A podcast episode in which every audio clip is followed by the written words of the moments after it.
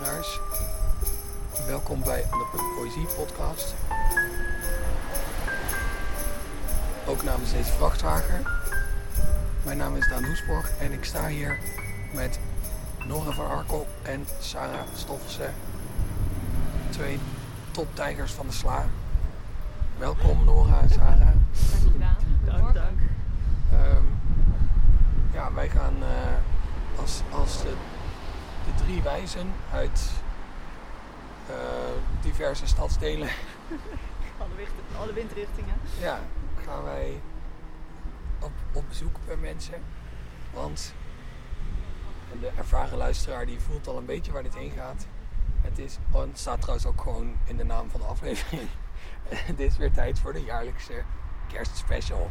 Hebben jullie er een beetje zin in? Veel zin. Zeker. Ja. Het is ongelooflijk klote weer. Eh, het regent ook.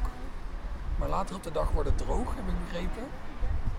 En eh, om eh, de weergoden vast een beetje gunstig te stemmen, dacht ik, ga ik op deze luidruchtige straathoek een gedicht van Willem Wilmink over kerst voorlezen.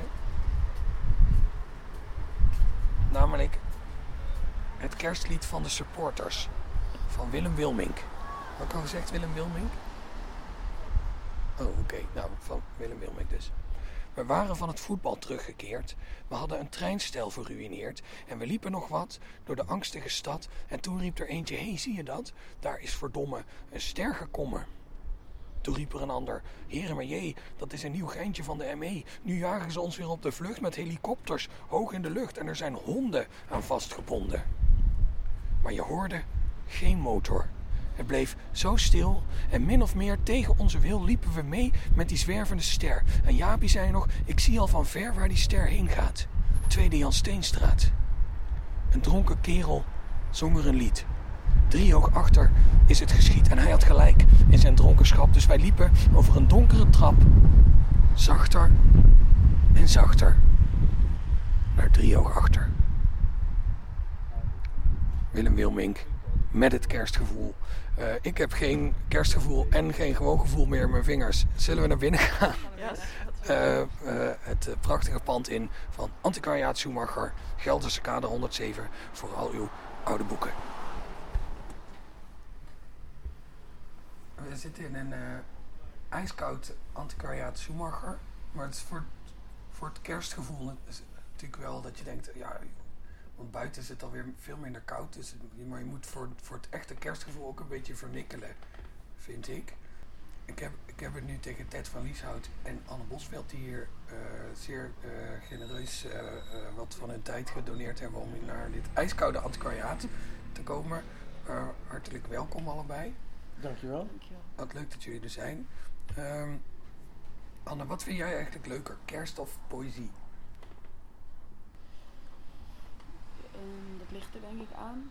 Als ik het fenomeen kerst aan zich en poëzie aan beschouw, dan kies ik voor poëzie. Maar als ik ehm, de gedachten die ik bij kerst heb en de gedachten die ik bij poëzie heb, dan hebben de gedachten die ik bij kerst heb niet eens heel veel met kerst te maken. En dan erdoor zou ik eerder voor kerst kiezen, omdat die gedachten langer warm zijn, denk ik. Zoiets. Ja.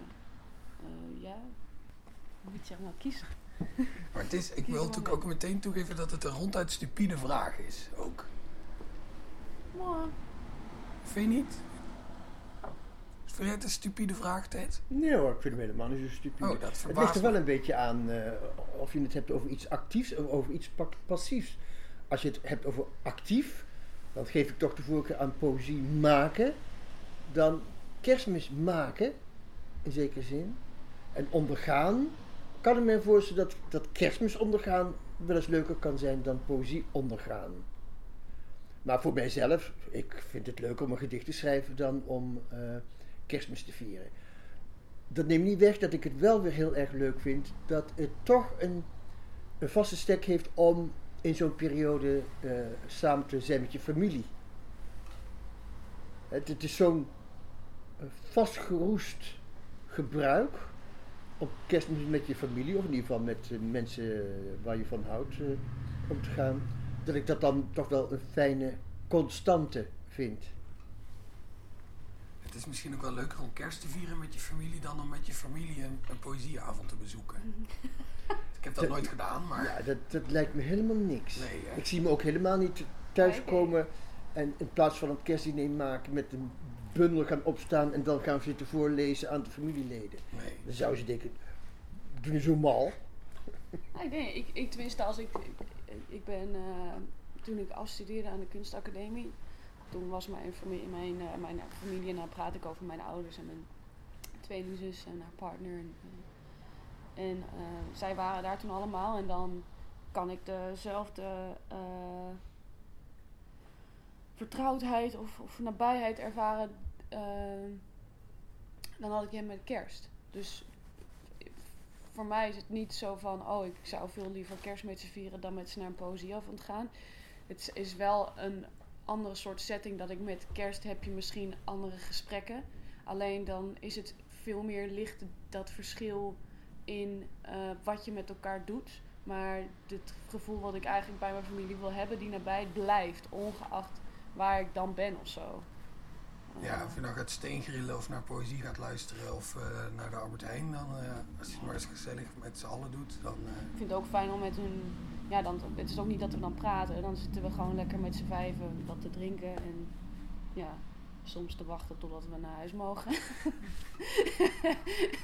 en soms ook heel, een hele fijne avond hebben. Dus Maar niet te wachten tot de nachtmis. Nee, we gaan niet naar de nachtmis. Nee, wij ook niet. Nee. ik ben ook nog nooit bij de nachtmis geweest. Ik kom wel eens waar de Roomse Limburg, maar... eh, Ik denk als kind dat ik dat wel eens heb gedaan, maar daarna niet meer. Lijkt me als kind ook echt een stom vervelende ervaring eigenlijk. Ook wel spannend dat je midden in de nacht, als je eigenlijk in bed zou moeten liggen, dat je dan toch nog eens naar de kerk gaat. Maar dat is voor mij wel heel erg lang geleden. Ja, je bent nooit hier naar de nachtmis geweest. Nee, ik woon eh, in de buurt van de Sint-Nicolaas Basiliek heet dat nu. En ik heb daar, ehm, nou wat zal het zijn, bijna 30 jaar in de buurt bij gewoond en nooit ben ik naar binnen geweest. Uiteindelijk ben ik wel een keer naar binnen geweest en dacht, dat ik dacht, nou het is zo belachelijk dat ik die kerk nooit van, van binnen heb gezien. Dus ik ben in totaal nu zo'n twee keer in die kerk geweest. Eén keer om te kijken en één keer om een orgelconcert mee te maken. Oh ja. Dat is best een mooie kerk, hè? Ehm, nou, daar heb ik zo mijn twijfels over. ik vind hem ook wel kil op de een of andere manier. Is dat niet mooi? Ehm, er zijn mooiere kerken. Ja, dat is ook waar. Dat jou ook wil zijn. Ja. Ja, in, in kil bedoel ik eh, niet zozeer dat het er koud is, Nee, nee, nee, maar, maar, Kiel de, in... de sfeer dat die niet warm is. En ik ben wel heel erg van katholieke huizen. En in katholieke kerken is het altijd, tenminste in de, in de oude, weelderig en een beetje over de top. En dat is deze, keer, deze kerk is een beetje aan de sobere kant. Er zijn wel mooie eh, muurschilderingen, maar toch een beetje strakjes. Ja, het is wel, het is wel Noord-Hollands katholiek. Ja, denk het wel.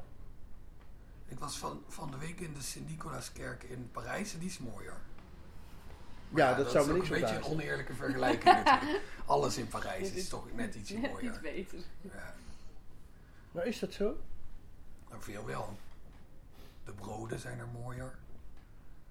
En dus de, de Sint-Nicolaaskerk kerk is ook mooier. mooie? Ik vind de straten die gelegd zijn mooier daar. Met dat leuke spoelmechanisme dat ze hebben.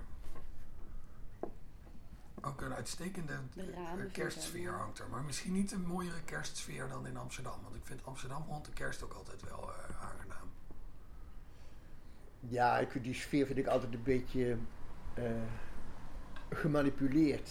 Het is niet echt. Nee, het is zeker niet echt. Maar Maar is nu niet elke sfeer een beetje gemanipuleerd? Het is daar zo. Nou ja, bij kerstmis, in november hangen ze de kerstverlichting op. En er overal moeten lampjes aan. En dan is het kerst. En dan, dat is dan de sfeer van kerst. Dat vind ik een beetje erg gemanipuleerd. En met Pasen doen ze dat niet. Ze hangen niet overal eieren op. nee. Hm. Ik vind lampjes wel, ik heb wel een zwak voor lampjes. Ik denk elk jaar weer, zal ik ze niet gewoon permanent laten hangen? Ja, ja, nee, dat heb ik ook wel een beetje. En wat, waarom haal je ze dan weer naar beneden? Toch? Ja, meestal onder druk van mijn omgeving. Dus ik vind daar nog steeds feestverlichting hangen. En ik denk op een gegeven moment denk ik, nou ja, vooruit dan maar. Maar vind ik dat toch altijd weer een beetje treurig. Ja, ik heb nu als gewoonte, ik heb wel wat lampjes in huis hangen. Dat op eh, 1 januari gaan ze, de, gaan ze weer eh, de zolder op. Dan is het afgelopen. En dit- doe je dat dan met een zekere spijt? Of denk je dan ook, hè fijn, het is weer 1 januari, weg met die lampjes? Nee, het is echt een soort schoon schip maken. Ja, precies. Heb jij lampjes? Nee. Nee. Nee. Of geen, ja, nee. Kerstballen? Nee. Ook niet. Een kerstboom? Nee, ook niet. Kersttakjes? Nee, ik, ik hou niet zo van. eh, bij mijn ouders heb, heb- is er een kerstboom en die vind ik, dat vind ik fijn om te zien. Er zit ook niet zo heel veel kleur in. Ik ben heel erg opgegroeid met eh, zilver, wit en zwart. Alles was ook bij ons in huis in die kleuren. Dus geen echt rood of zo. En ik heb ook daardoor een beetje. Ik vind vaak kerstbomen die over het algemeen gepresenteerd worden binnen steden of in huizen. Daar heb ik ook niet zo heel veel mee. Ik vind de kerstboom van mijn ouders mooi, want die, die is gewoon zilver. En dik boom niet, maar alles wat erin hangt. En eh, ja, ik zou bij mij thuis nooit. Ik heb één keer een kerstboom gehad met een ex en dat was ook echt zo'n lelijke kerstboom. En dat, dat hoef ik ook niet meer. Nee. Nee. Nee. Dus- Ik word helemaal week om mijn hart als ik op de Dam kom en ik zie die grote boom daar staan. Ik vond het eerst altijd wel zielig voor de boom. Ja, dat denk ik ook. Had hij toch laten staan. Ja, dat vind ik nog steeds ook wel, maar, maar ze voeren hem aan de olifanten, begreep ik. En olifanten moeten ook eten. Dus Dat is waar. Oh, dat Ja. vind ik wel mooi om te weten. dat, dat verzacht Maar voor het een Centraal. Station staat er nu ook een, hè? Oh ja, oh, Ook een hele grote. kijken dan. Is die mooi? Ehm, nou ja, het is er eentje met gewoon alleen lichtjes erin volgens mij. Geen ballen of iets dergelijks. Daar kan ik me ook wel voorstellen moeten worden dat eruit gejat, vermoed Ja. ik. Maar ik vind al die lichtjes wel heel leuk op straat.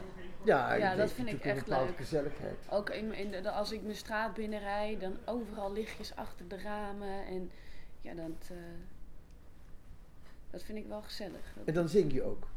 Ik zingen? Ja? Ja. Hm. Ja, niet kerstdingen. Nee, Ah. niet, niet kerstdingen. Nee, vroeger wel, denk ik. Of nou, dat was het ook waarschijnlijk niet de precieze nummers, maar...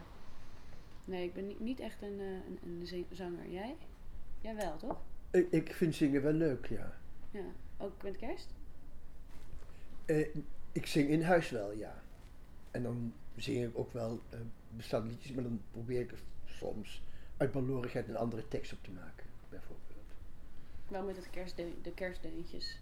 Ja, nou ja, dan ondeugende teksten van maken, bijvoorbeeld. Mhm. Maar ik kan nou geen ophoesten, want Oh, jammer. ja. Oh, dat- nee, dat, dat ik gaat. als ik verwacht aan- het dan wel. Ja, maar als ik, ik ben, ik denk, ben ik bezig met de afwas of zo, dan zit ik met een liedje in mijn hoofd. En dan eh, eh, probeer ik andere rijmwoorden op te bedenken, dat soort dingen. Over rijmwoorden gesproken, je vertelde net dat je wel, want we hebben het gehad over poëzie of kerst, maar dat is natuurlijk ook poëzie en kerst. Ja, Dat je wel over kerst geschreven hebt ook en, en daar voorbeelden van meegenomen hebt. Ja, ik een heb, eh, uitgelezen moment daarvoor. nou, dat is prima. Dit is, moet ik even mijn bril pakken? Ik heb in ieder geval minstens één kerstgedicht eh, geschreven, al heel lang geleden. Ik denk in 1987 of zo. Volgens mij is dat twee jaar voor jouw eh, geboortejaar. Eh, 95. Oh, oh, nog veel langer geleden. Ik was min 1 in 87. Oh, dan, dan, dan, dan is- heb ik jouw eh, geboortejaar zien staan. Dat zou kunnen, ja. Kerststemming. Met kerstmis loop ik de kaarsen langs en duw de randjes terug in de vlam, omdat ik me verveel en mijn vingertoppen wagen wil aan vuur. Ik haat dit soort vrede. Ik weet niet of ik geloven kan dat heel de wereld Maria een dak boven het hoofd misgunde met die bolle buik. Alsof ongastvrijheid expres was, omdat een stal zo gezellig onder de kerstboom past. Was Jozef vader of alleen maar om de krib te timmeren?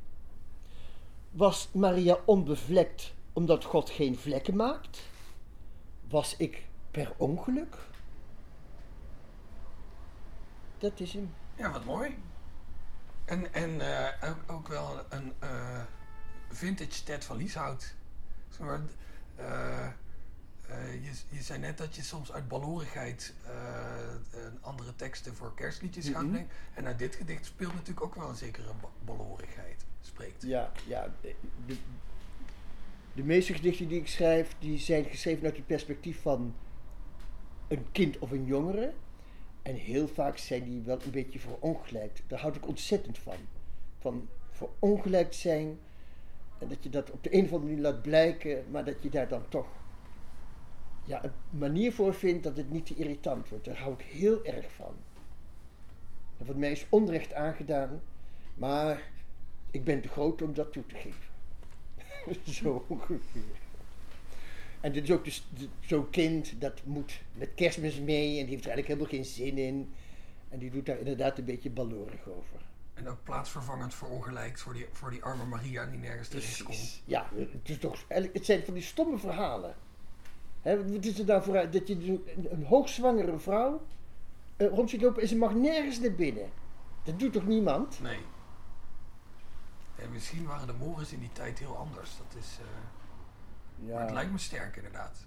Ja, ook nog op een ezeltje. Ja, Hè, dan zit je op die ezel. Nou, dan komen heus de weeën wel. Lijkt mij zo. sowieso iedereen die een ezel meebrengt, die mag bij mij sowieso naar binnen. Dat, zie maar hoe je hem de trap op krijgt, maar je bent van harte welkom. Heb jij ooit een gedicht over eh, kerstmis geschreven, Anne? Eh, nee, nee, dat eigenlijk niet, nee. Meestal vroeger tussen kerst en oud en nieuw ging ik met mijn vader en mijn tweelingzus altijd op zoek naar wolven in Polen. En, Oh, oké. eh, Nou, daar heb ik wel dingen over geschreven.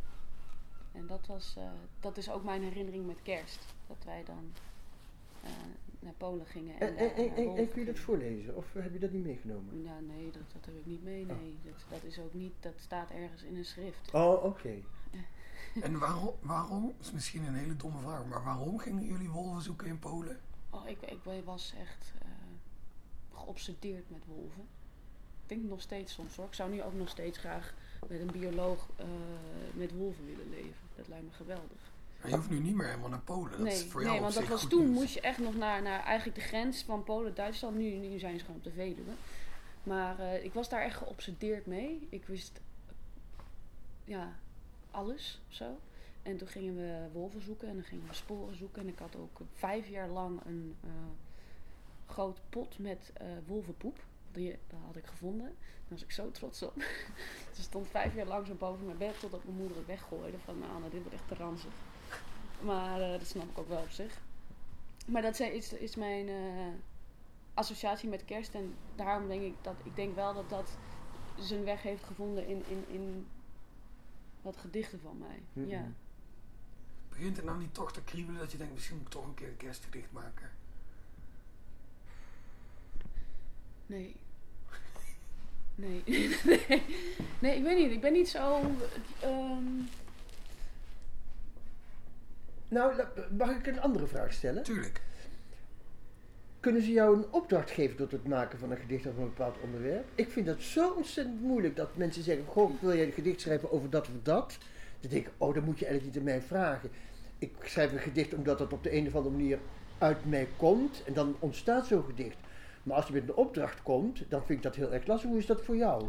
ik, ik, ik, ik kan wel uit opdracht schrijven, maar dan verwacht ik wel een bepaald soort vrijheid. En dan natuurlijk kan ik me best wel aan een bepaald soort thema houden. Alleen ik denk dat de kaders van een thema daarbinnen ook opgericht kunnen worden. En dat, dat ik wel eh, ja, associatief te werk zal gaan. Eh, dus ja, ik kan best wel, bijvoorbeeld laatst heb ik eh, toevallig de laatste twee keer een gedicht met, met, met sport, over sport geschreven. En dat vind ik ontzettend leuk. Maar goed, dat is ook je, je, je, je eigen thema als het ware. Je bent sporter geweest. Of Ja. nog steeds wel waarschijnlijk. Nou, niet, niet zo. Mensen verwachten altijd veel, maar nee, valt best mee. dus dat is ja, dat, dat is- ligt wel dichter bij mij. Alleen ik denk als ik met kerst, ja, dan vind ik altijd wel een, een, een iets waardoor ik in een, een kerstthema kan stappen. Ja. Dan zou ik het over dus eh, zoeken naar wolven in Polen of zo. Ja, ja, of, iets anders. En als je, nou ja, noem een thema.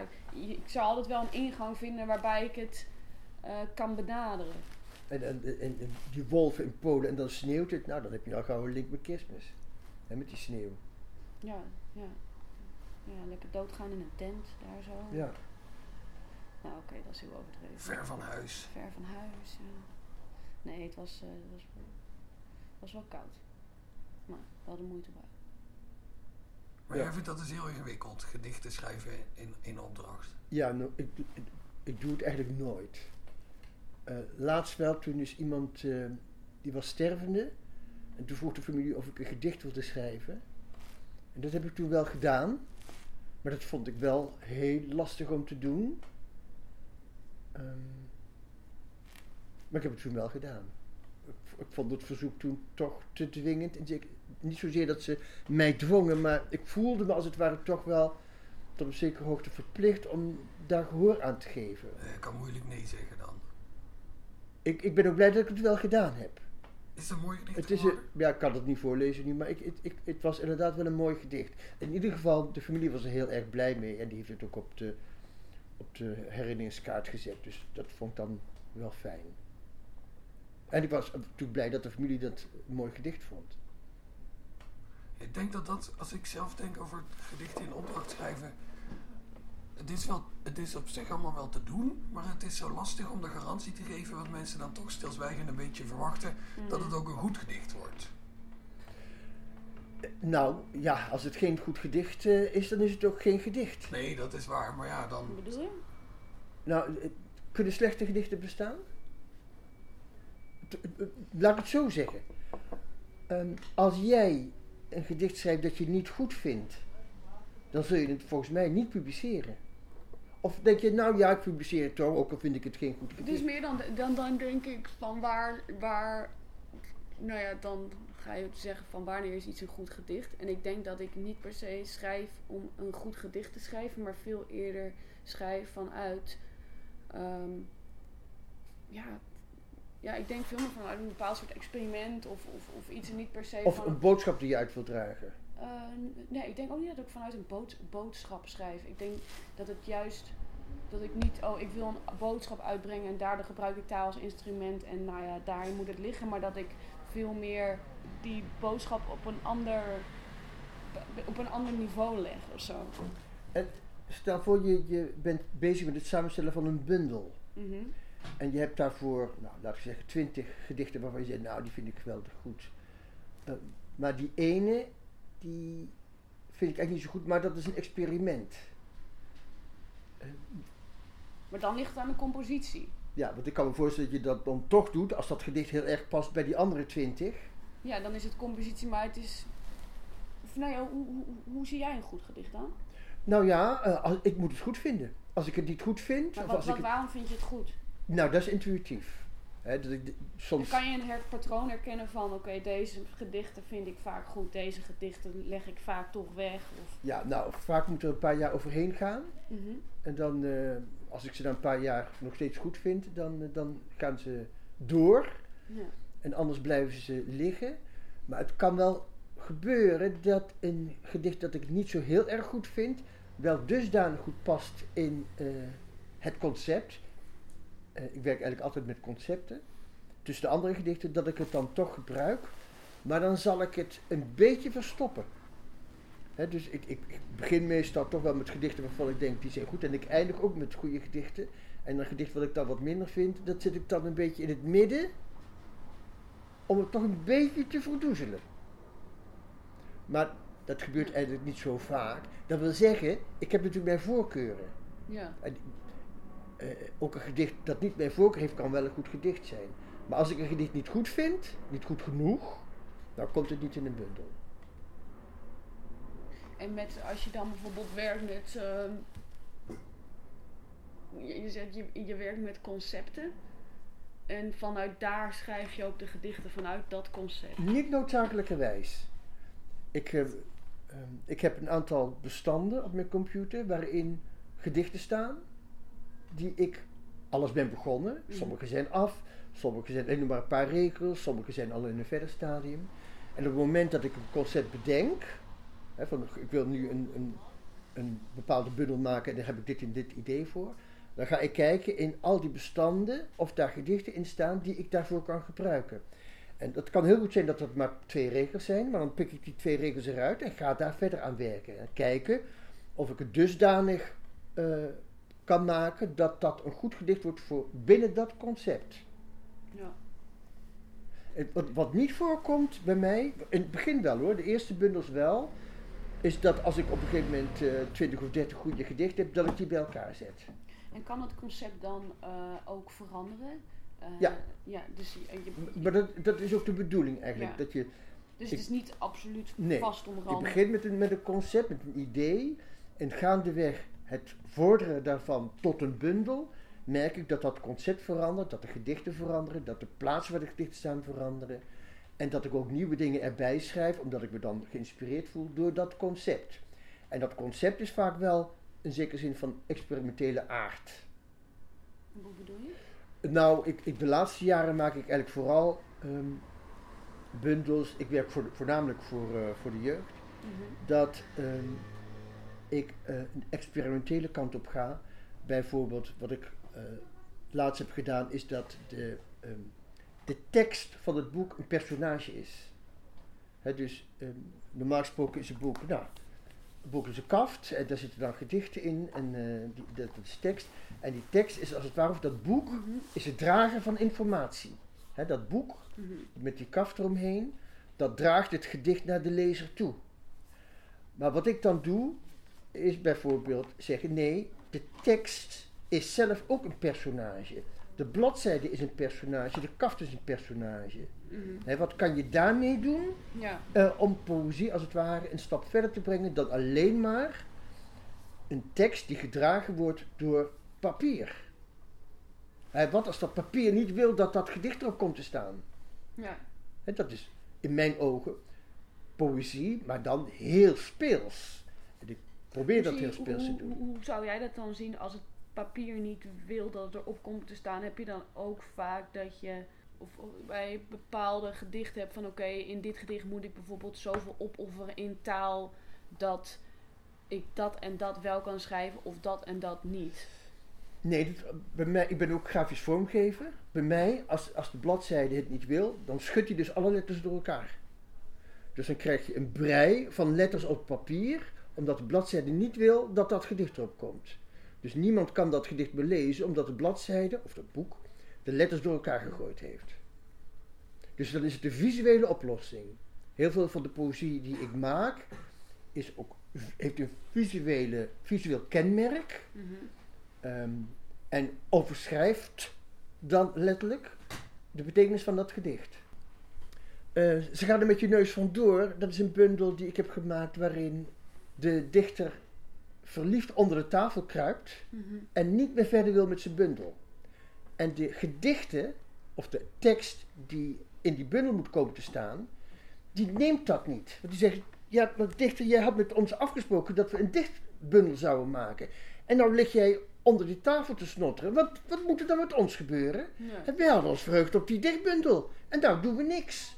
Dus die dichtbundel, of die, die, die tekst, die gaat op zoek naar een andere dichter. Hè, om die gedichten te maken. Dus daar wordt de tekst dus ook omdat heeft, krijgt een entiteit. Is een, Juist. Ja. Juist, Ja. een personage. En dan halen ze iemand eh, naar binnen en die blijkt die bundel te willen overnemen. En dan denken ze, oh mijn god, dat was niet de bedoeling.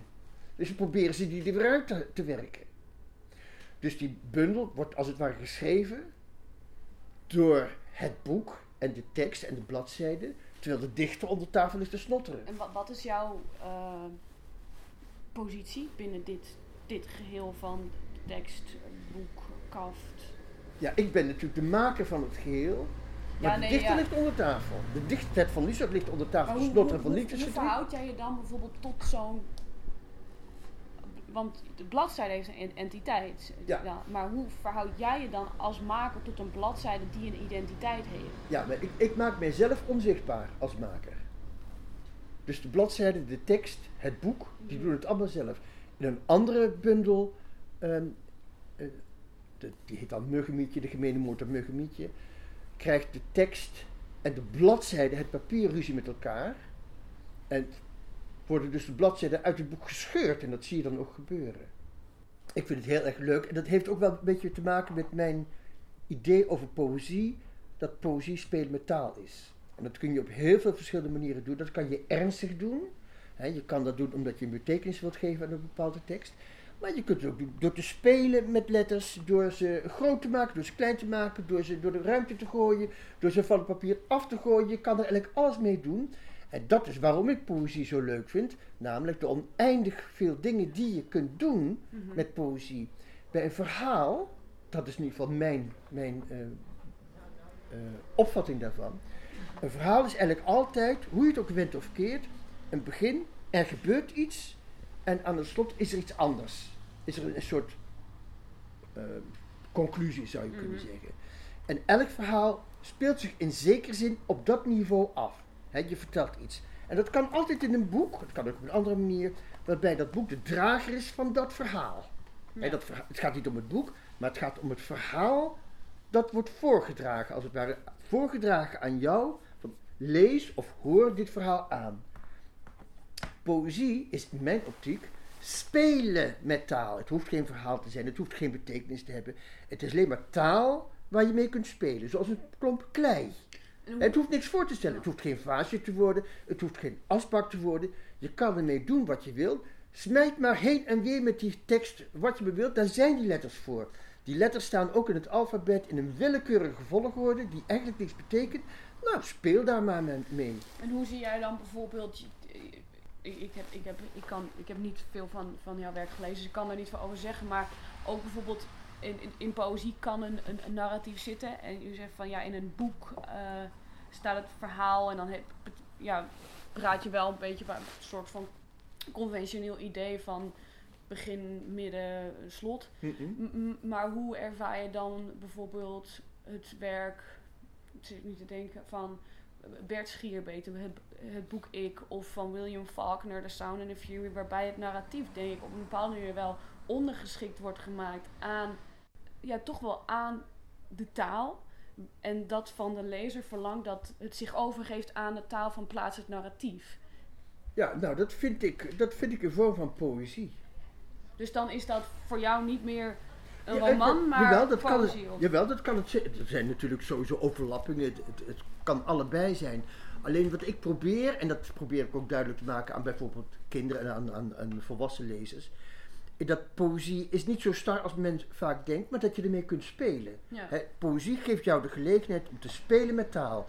Op een vrijere manier dan je over het algemeen kunt doen met eh, een verhaal. En de voorbeelden die jij noemde zijn in zekere zin wel verhalen, maar er wordt wel met dat verhaalidee gespeeld. Het is niet zomaar een vertelling die je wordt aangereikt. Nee, het is spelen met taal. Het is, het is meer dan alleen maar het overbrengen van een geschiedenis, een vertelling. Ja, ja. Met andere woorden, daarom is poëzie in mijn ogen veel leuker en veel speelser dan proza. Het heeft veel meer, veel meer mogelijkheden. Want ook met poëzie kun je inderdaad, de voorbeelden die jij noemt, kun je een verhaal vertellen. Maar dat hoeft niet.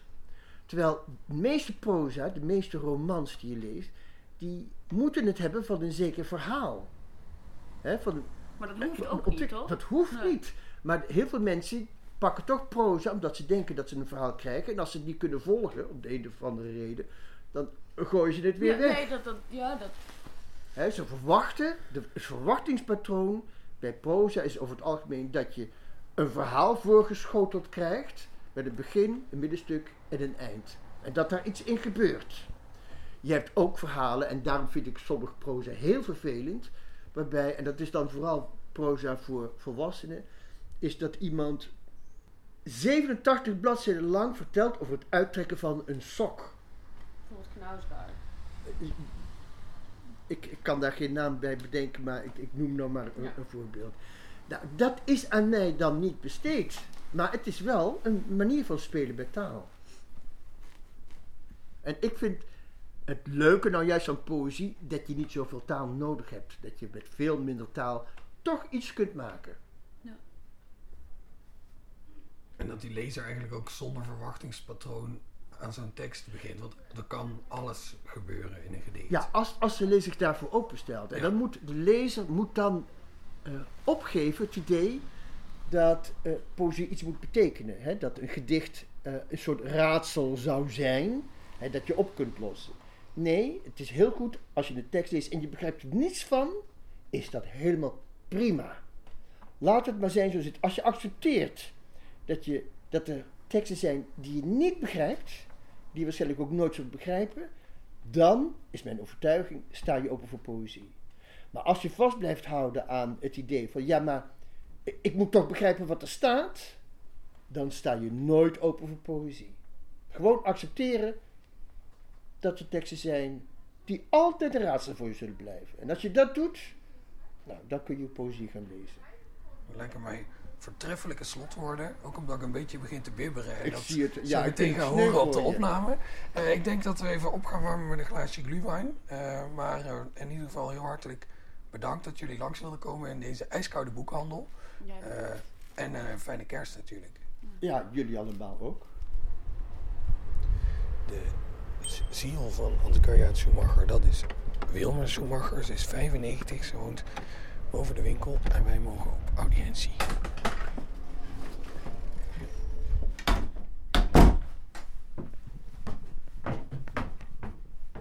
Ja, ik dacht eerst diepzinnige dingen over poëzie als adem. Dan zit je met proza als backbone.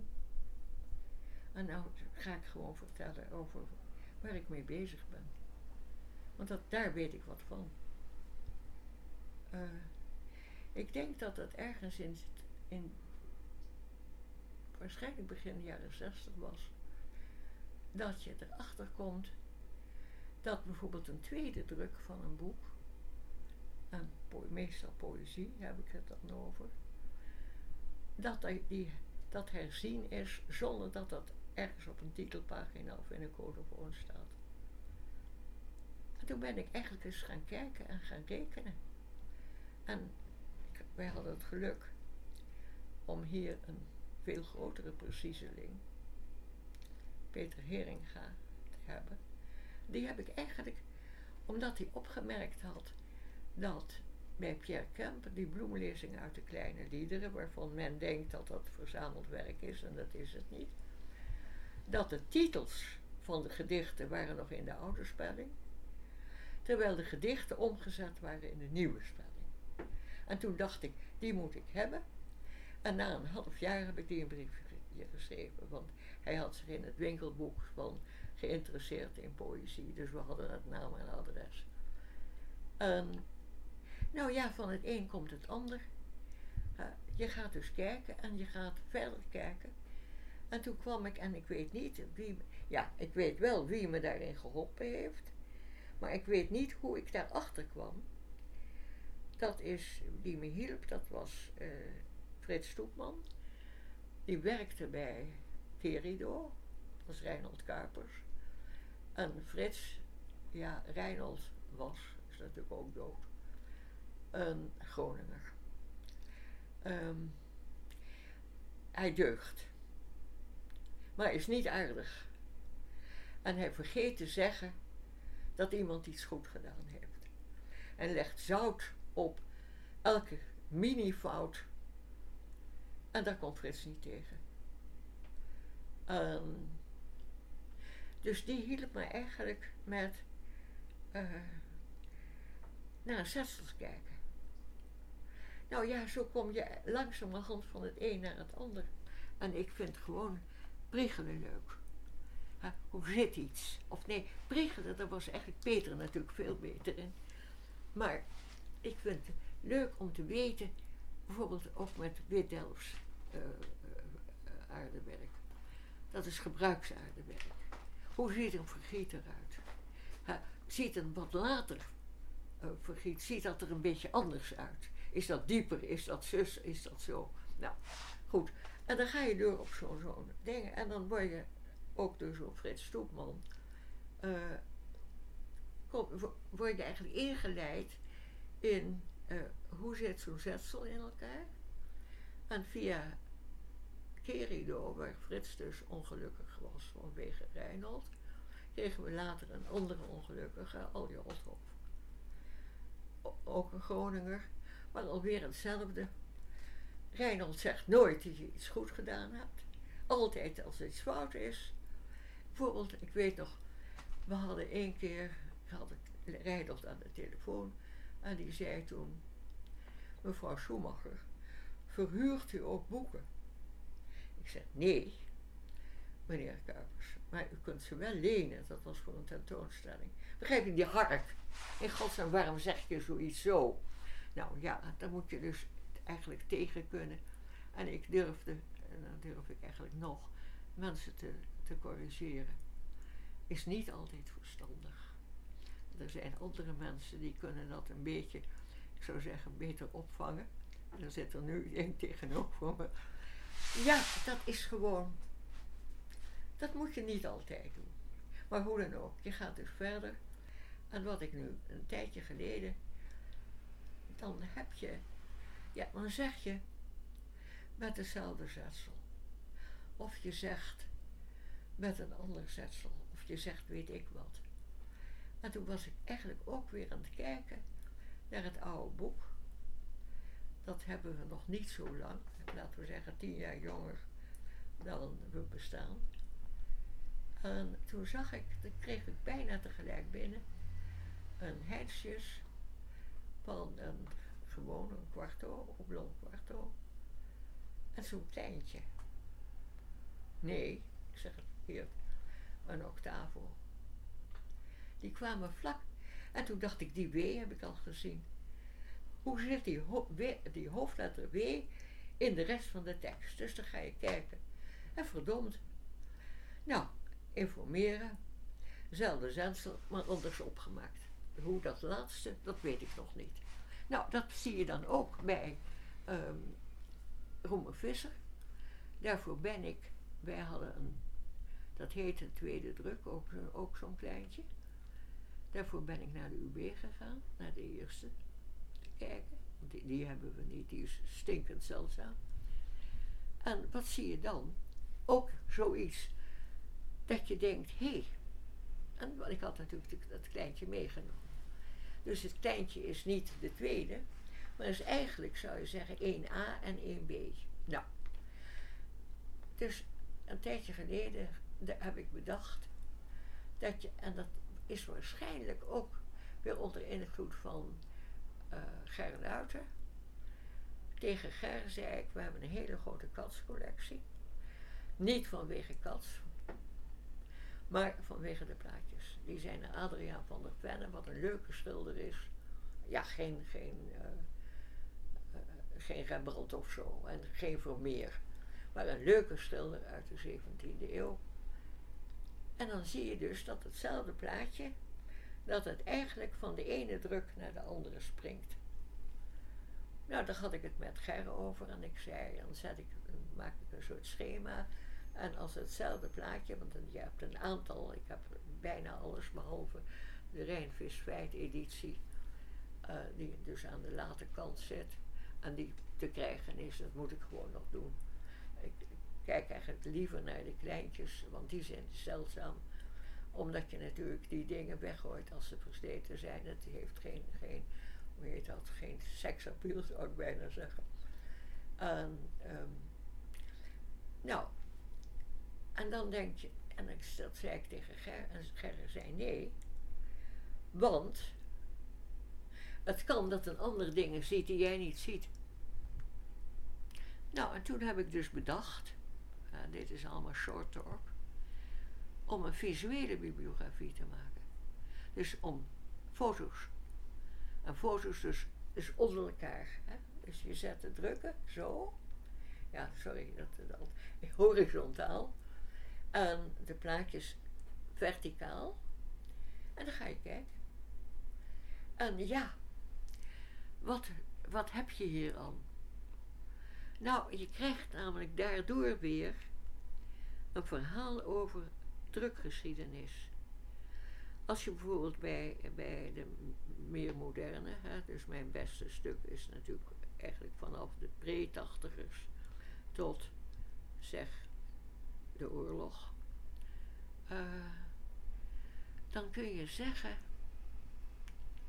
uh, je vult, je ziet een, hoe een uitgever rondscharrelt met, ik zou bijna zeggen, zoals ze, ons bedriegen. Ja, ik, volgens mij, met Marsman heb ik het gevoel, en dat moet ik weer iemand laten zien die meer van papier weet dan ik. Ehm, de, tweede, de tweede bundel van Marsman, dat is een gemeenschap. Ik denk dat die tegelijk gedrukt zijn. Er is alleen een colofoon en een titelpagina aange- aangevuld. Kijk, dat kan een wezenlijke boekhistoricus beter zien dan ik. Alleen, bij mij zit die piep. De piep van, het voelt niet goed. En dat is natuurlijk in deze tijd bij heel veel mensen uitgeschakeld, want dat hoort niet. Je hoort niet naar piepen te luisteren. Je hoort niet naar katten te kijken, hoe ze hun voetjes en hun handjes op, bij wijze van spreken, bewegen. Want alles is in een kader.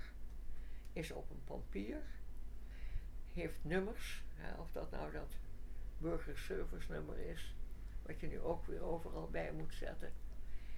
En ja, maar je krijgt een beeld van een tijd.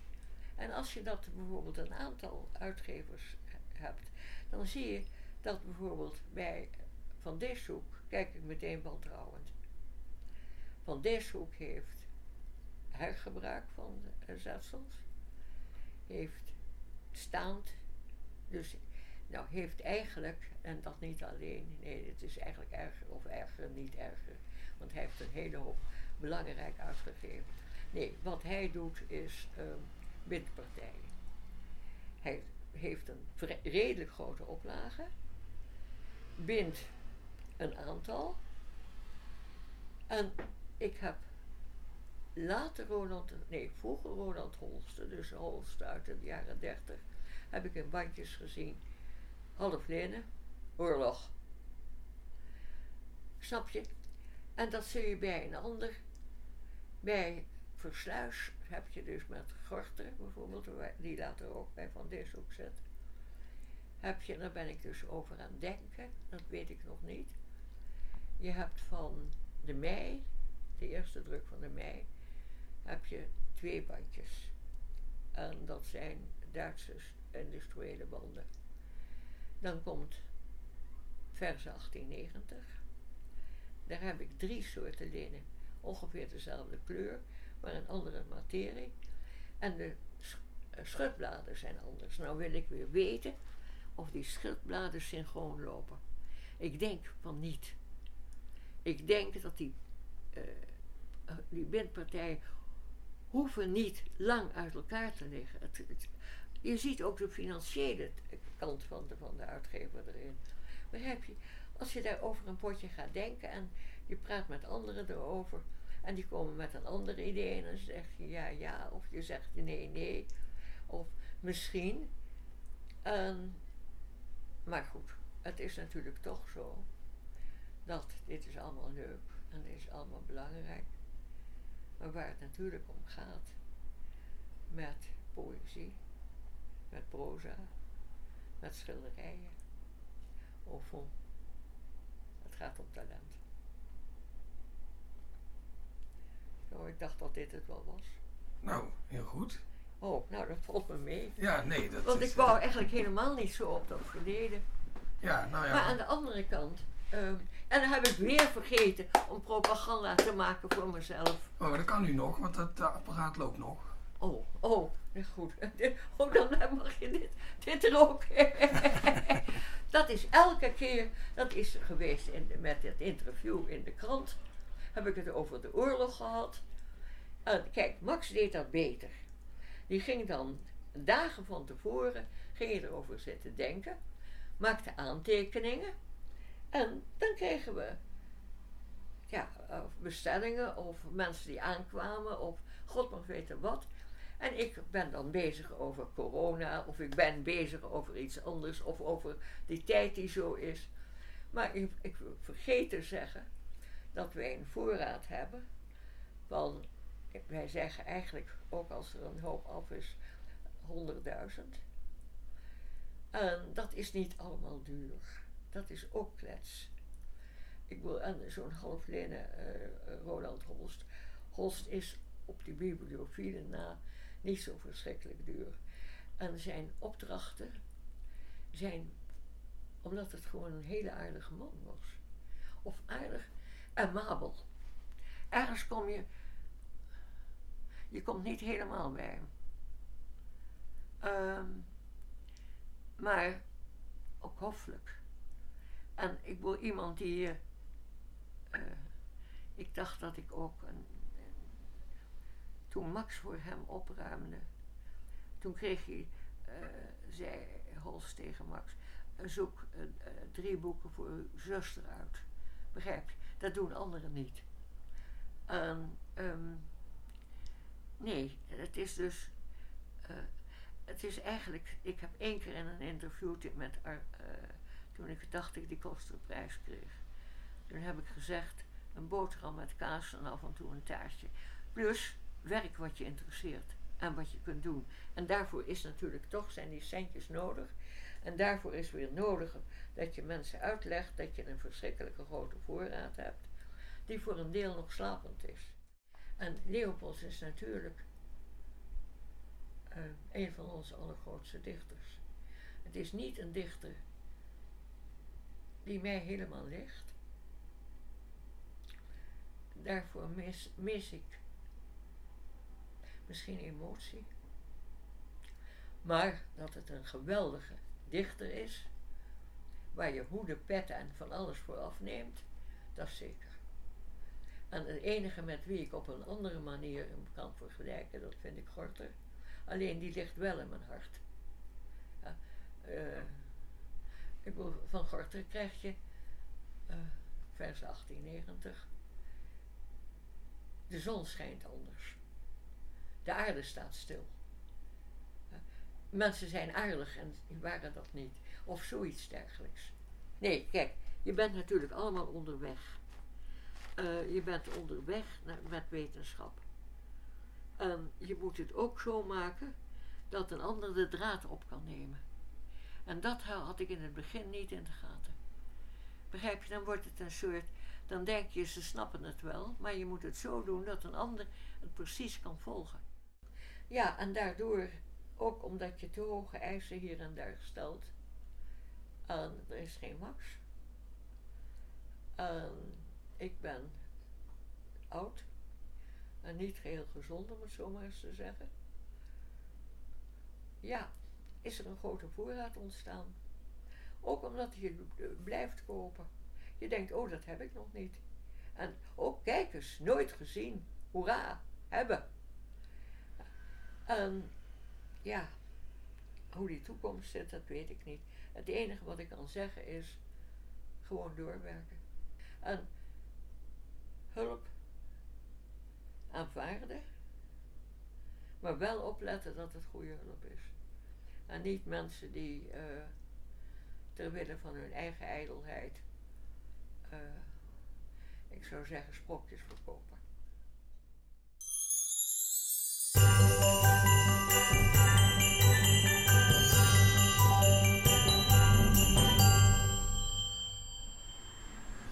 We zitten nog steeds in het ijskoude antiquariaat Schumacher. Uh, maar dit keer met Nadia de Vries en Omar Dagmeni. Heel goed. Uh, welkom, wat leuk dat jullie er zijn. Dank je. Um, Nadia, wat vind je leuker, kerst of poëzie?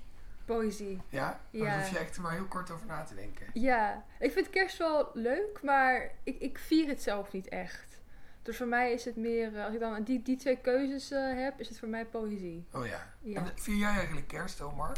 Uh, nee, maar ik heb wel op een christelijke basisschool en middelbare school gezeten. Dus ik heb het wel een soort van tweedehands meegekregen. Ze hebben wel geprobeerd om dat kerstgevoel er een beetje in te rammen ja, bij Ja, precies. ja.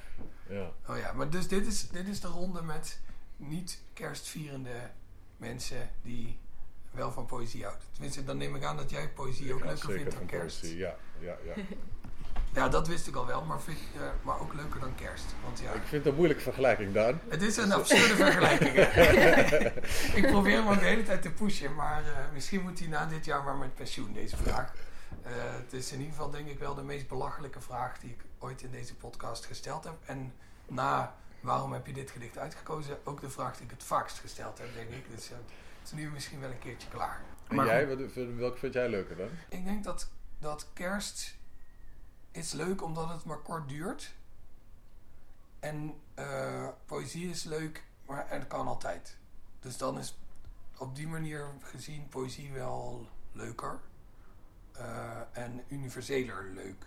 Hmm. Weet je wat ook is met kerst? Het is alleen leuk tijdens kerst. Ja. maar, als je uh, All I Want For Christmas hoort in eh, een ander eh, eh, deel van het jaar is het vet ongemakkelijk. Ja, ik vind het ook, wat ik ook leuk vind, ik vind dan die aanloop heel leuk. Maar dan als eenmaal kerst en oud en nieuw voorbij is. Het is nog steeds donker, nog steeds koud, nog steeds glühweinseizoen. Maar alle feestdagen zijn op. Dat is gewoon die, die, Ja. die duisternis en die leegte waar je in zit. Dus in die zin heeft kerst en het hele oud en nieuw spektakel ook wel macht. Omdat het is, oké, de- deze dagen gebeurt het. En daarna is het gewoon weer het alledaagse. Een soort corporate genieten. Ja, ja, inderdaad. Corporate Deze- genieten. Deze data gaan we het leuk hebben, godverdomme. Ja, ja. Ja, dat maakt het, geeft het ook wel iets krampachtigs inderdaad. Dat, eh, eh, het is wel leuk, maar het, maar het is ook leuk omdat het moet. Ja, precies. En, eh, en, eh, en poëzie, daar kan je gewoon zelf voor kiezen of je dat leuk vindt of niet. Ja. En, en je kan het ook combineren. Je kan ook denken van oké, nou deze dagen zijn plichtmatig leuk. Ik ga me daarvan, ik ga me daartegen verzetten of van verwijderen. Ik ga poëzie schrijven of ik ga gewoon in mijn hobbel zitten, lekker zitten lezen. Dat is wat ik ga doen met kerst althans. Ik vind eh, Sinterklaas wel eh, leuker omdat je ook het Sinterklaasgedicht hebt. Dan heeft het een mooie combinatie van die twee ja. dingen in je. Er is poëzie een inherent onderdeel. Of ja, ja, toch? Ik poëzie vond dat is altijd het leukste aan, eh, aan de surprise. Is gewoon dat je elkaar een beetje kon roosten in het gedicht. ja, toch? Ja, ja, zeker.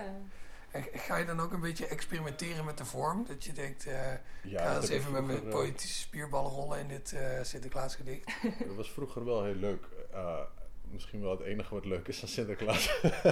Uiteindelijk. Maar ja, dat hele mysterie van dat je niet weet wie wat geschreven heeft. En, eh, is wel leuk bedacht.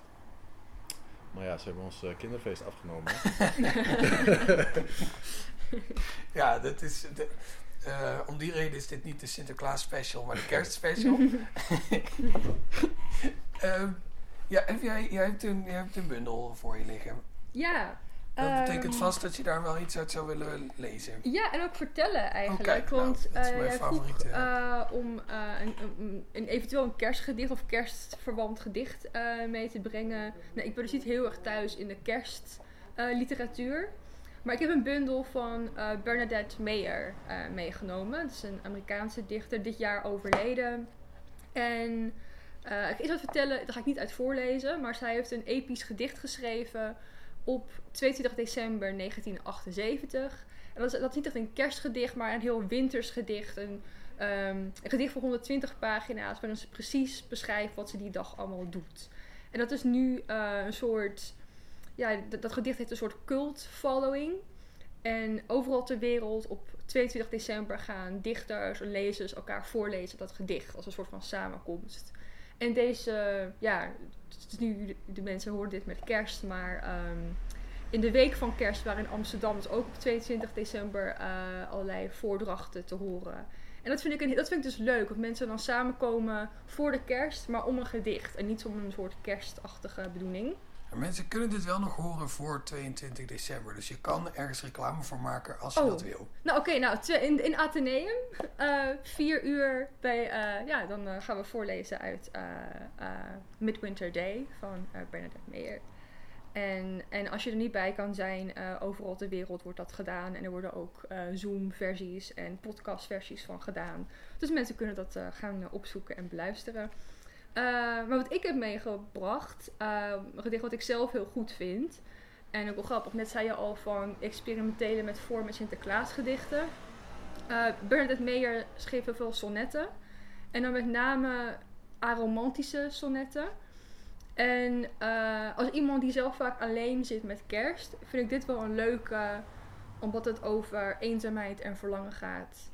maar wel in een klassieke vorm. Dus dit is een sonnet. Eh, ik ga hem voorlezen. En dit is in het Engels. You jerk, you didn't call me up. I haven't seen you in so long. You probably have a fucking tan, and besides that, instead of making love tonight, you're drinking your parents to the airport. I'm through with you bourgeois boys. All you ever do is go back to ancestral comforts only money can get. Even Catullus was rich, but nowadays you guys settle for a couch by a soporific color cable TV set. Instead of any arc of love, no wonder the G.I. Joe team blows it every other time. Wake up. It's the middle of the night. You can either make love or die at the hands of the Cobra Commander. To make love, turn to page 121.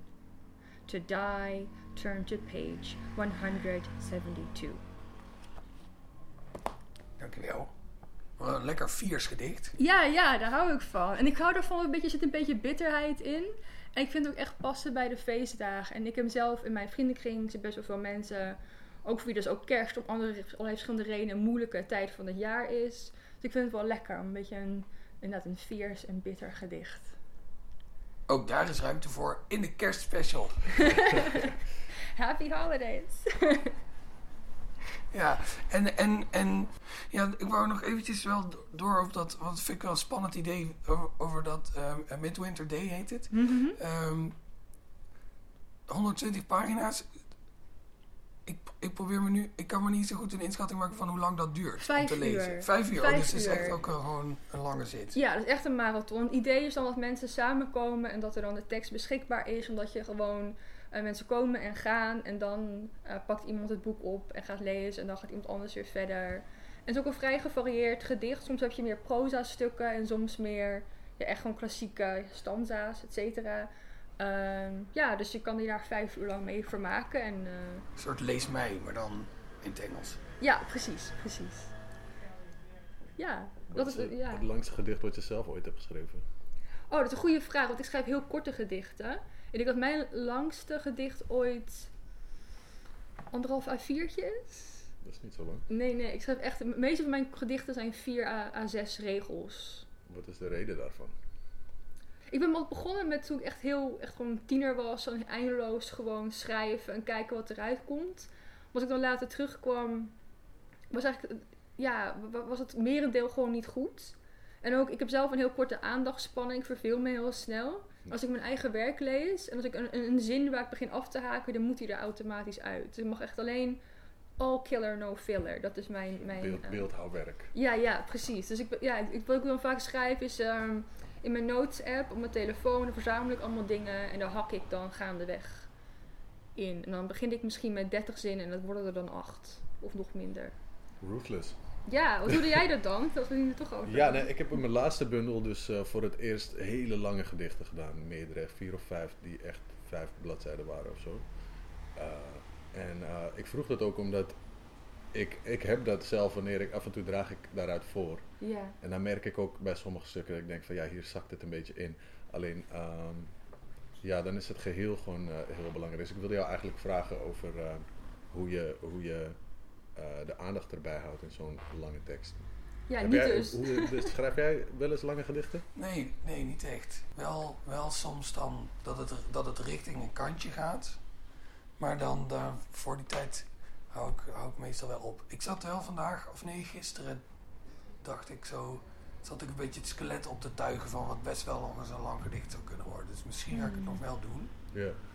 Eh, maar ehm, nee, meest, nee, echt hele lange gedichten heb ik nooit. eh, Terwijl ik het wel op zich wel spannend vind, zo'n lang gedicht waar je echt heel veel dingen in kwijt kan. En ehm, ook in, ook in eh, muziek vind ik het ook vaak. Bob Dylan heeft een aantal van die hele, hele lange nummers. En dat, dus dan, als ik dat dan hoor, dan, als ik dan bijvoorbeeld, eh, weet ik veel, eh, Sad Eyed Lady of the Lowlands of, Murder Most Foul van, van Bob Dylan hoor, dat ik denk, wow, je kan wel, je kan wel echt veel kanten op in zo'n lange tekst. En dan, op het moment dat je dan op iets teruggrijpt dat veel eerder kwam, dan, dan heeft het eigenlijk nog meer impact dan wanneer je dat in een kort gedicht doet. ja. Hmm. Ik vond dat zo mooi aan eh Lieke Marsman, de eh, bundel In Mijn Mand. Eh, Hmm. want dat waren wel losse gedichten, maar dat greep ook heel vaak terug naar zichzelf. Terwijl het als losstaand gedicht ook gewoon op zichzelf heel goed was. Eh, dus dat, daarin herkende ik dat eh, wat je zegt. Jij hebt daarover geschreven volgens mij, toch? Ja, Zo klopt. ken ik jou volgens mij. Oh ja, ja, ik denk Ja. het ook inderdaad. Ja, ik vond dat een geweldige bundel. Ik vind ook het titelgedicht in mijn mand ook geweldig. Maar inderdaad, in die bundel lijken er ook eh, bepaalde vormen en, en, en beelden terug te komen. En dat vind ik ook mooi als een bundel om één gedicht misschien draait, een titelgedicht of een bepaald idee. Dat er dan toch een soort integrale structuur in zit door, door een, koppel, soort koppelbeeld. Wat dan alles aan elkaar eh, bindt. Waardoor je niet denkt van oh ik heb nu gewoon een, een zooi bij elkaar geworpen gedichten. Van nee, hier wordt een verhaal verteld door poëzie. En dat vind ik heel mooi en ook aan die bundel heel erg knap. Mhm. Ja. Ja, ik vond, ik vond het stuk dat je erover had geschreven heel vet. Eh, hele, hele scherpe pen heb je.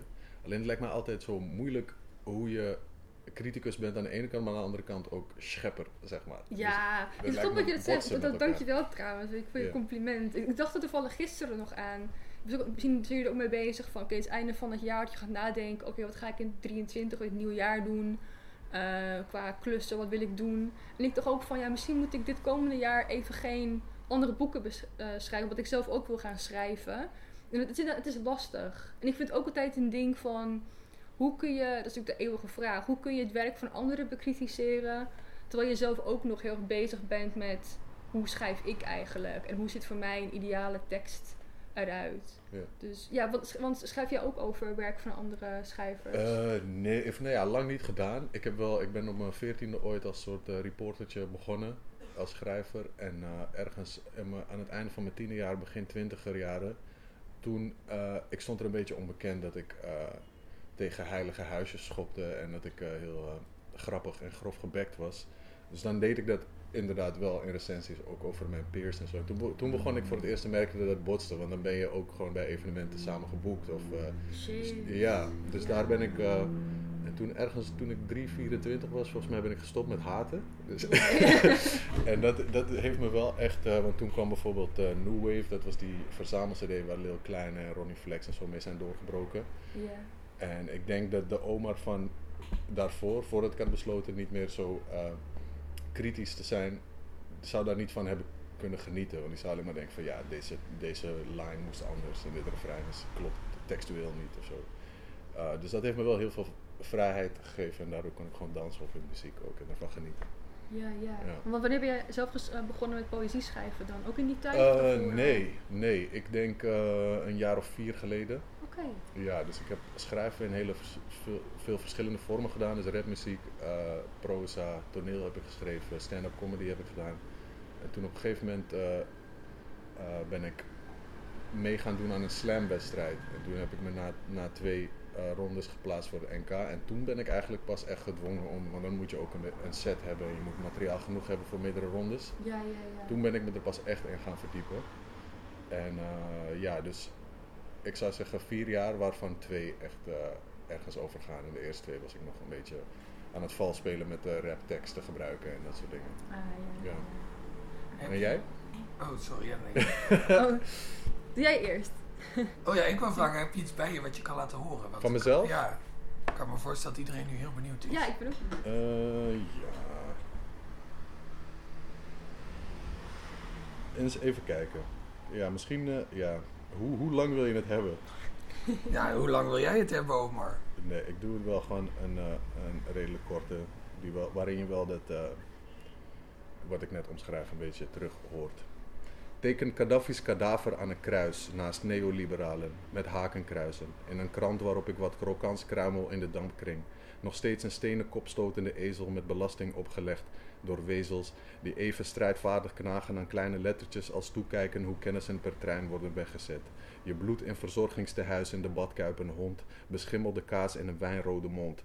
Ren door de markt, jute zak op mijn rug, aap op mijn nek, brug die vlamt als ik vlucht. Niet een noodzaak, maar vlucht van een miskende prins in het land van piraten met goud in de kist. Toeters tetteren, defensiebudgetten kletteren neer op plekken met lekkerder weer, maar mooi weer, spelen en brood. Helaas is niet in ieder een plek beloofd op die boot. Galgje, het antwoord is Saddam Hussein. Massavernietigingshash in mijn brein.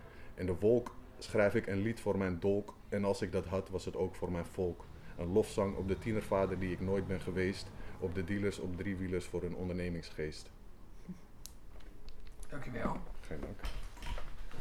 Je, ja, het is, je kan duidelijk horen dat je, dat je in de... Boos in de, bent. in- nou ja, nee, dat wou ik niet zeggen. Oh. Ik wil zeggen dat je, dat je in de raphoek begonnen bent. Eh, maar je kan ook heel goed horen dat je daarna wel een andere kant op bent gegaan daarmee. Dat je, dat je, dat- Ja. ja, het is... Ja, ik deed het toen al eh, 15 jaar en eh, rap is een hele vaste vorm, want je zinnen moeten passen in een, eh, in een maat eh, en dergelijke. Dus op een gegeven moment wordt je taal daar ook door beïnvloed, dat alles ehm, op een bepaalde, in een bepaalde vorm geschreven moet worden. Dus het was voor mij een hele bevrijding en een verdieping om eh, zo'n eeuwenoude traditie eh, in, te, in te duiken. Eh, en ik eh, kan je zeggen dat ik nog steeds gewoon het gevoel heb dat ik aan het oppervlak ben, zeg maar, want het is zo, zo diepgaand. Dat is ook het leuke eraan. Dan daarom ook poëzie boven kerst zou ik zeggen. Want het is Ja. veel duurzamer, gewoon op, existen- op existentieel vlak. Je kan er je hele leven lang plezier en verdieping uithalen. Zeker. En je komt soms op zulke rare manieren een gedicht tegen wat zo logisch lijkt dat je dat bent tegenkomt. Snap jullie wat ik bedoel? Ja, ja, ja, dat, vind ja. Ik, dat vind ik heel eh, mooi eraan.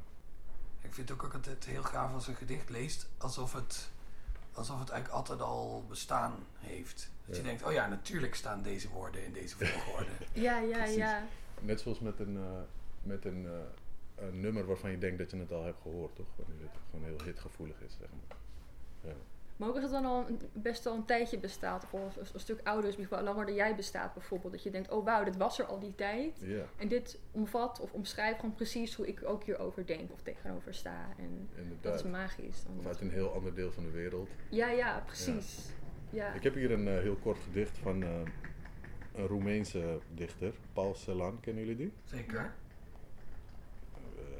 Eh, wist niet dat ik hier met eh kenners nee, ja, ik kende hem niet. Ik, was, ik kwam een Roemeens eh, meisje tegen op vakantie in Spanje. Eh, en die, toen vroeg ik haar, wie, wie zijn de dichters in Roemenië? En zo ben ik hierop gekomen. Dus ook op een hele eh, rare wijze. Maar dit is zo'n voorbeeld van zo'n gedicht. Het heet illegibility. Dat betekent onleesbaarheid voor mensen zoals ik die dat moesten googlen. Illegibility of this world, all twice over. Robust clocks agree the cracked hour hoarsely. You, clamped in your depths, climb out of yourself forever. Ja, heel mooi. Ja. Toch? En er zit het woord kloks in, dus dat is ook kerstig. Maar ook gewoon lekker, lekker klank ook. Ook ook gewoon het, is heel, het is heel compact, maar het werkt gewoon ja, niet heel soepel of zo. Het, het- het- ja. Ja, Een beetje zoals het ratelen van een klok inderdaad wel. Het, ja, dat, dat loopt een beetje als een, als een uurwerk. Mhm. En wat trok jou aan in dit gedicht? ja gewoon de, de, de rondheid ervan. Dat gewoon eh, geen woord overboden. Het zijn heel weinig woorden en ze sluiten heel goed op elkaar aan. En het is gewoon op de een of andere manier, al weet ik niet wat het verhaal achter het gedicht is, is het gewoon, ben ik het er helemaal mee eens of zo voelt het. Snap je? Dus Hmm. eh, ja, dat vind ik eh, heel mooi aan poëzie. Hoe, de, hoe het in het grijze gebied blijft tussen iets wat je helemaal begrijpt. eh, of waar je gewoon van voelt dat je er iets mee te maken wil hebben, zeg maar. ja. En daartussen is heel veel, eh, ja, heel veel ruimte voor mooie dingen, zeg maar. ja. Ja, nee, het, het pleit tussen poëzie en kerst is wel definitief beslecht, eh, Ja, denk ik. Ja. Fuck kerst. Eh lees eh, poëzie. Ja. Ehm, ik wil jullie allebei heel erg hartelijk danken dat jullie eh, zin hadden om hier eh, naartoe te komen in deze koude, koude boekhandel. Ehm, en eh, ik ga jullie geen fijne kerst vieren, want dat gaan jullie allebei niet. eh, geen fijne kerst wensen, want dat gaan jullie allebei niet vieren. Maar ik wens jullie wel fijne kerstdagen, want dat zijn het nou eenmaal. Of je nou kerst gaat vieren of niet. Eh, en je moet mensen altijd een fijne dag wensen, vind ik. Ja. Dus bij deze. Ja, jij Ja, ook, die man. Fijne, kerst. Fijne, fijne dagen, zoals ze dan zeggen. Ja, dankjewel.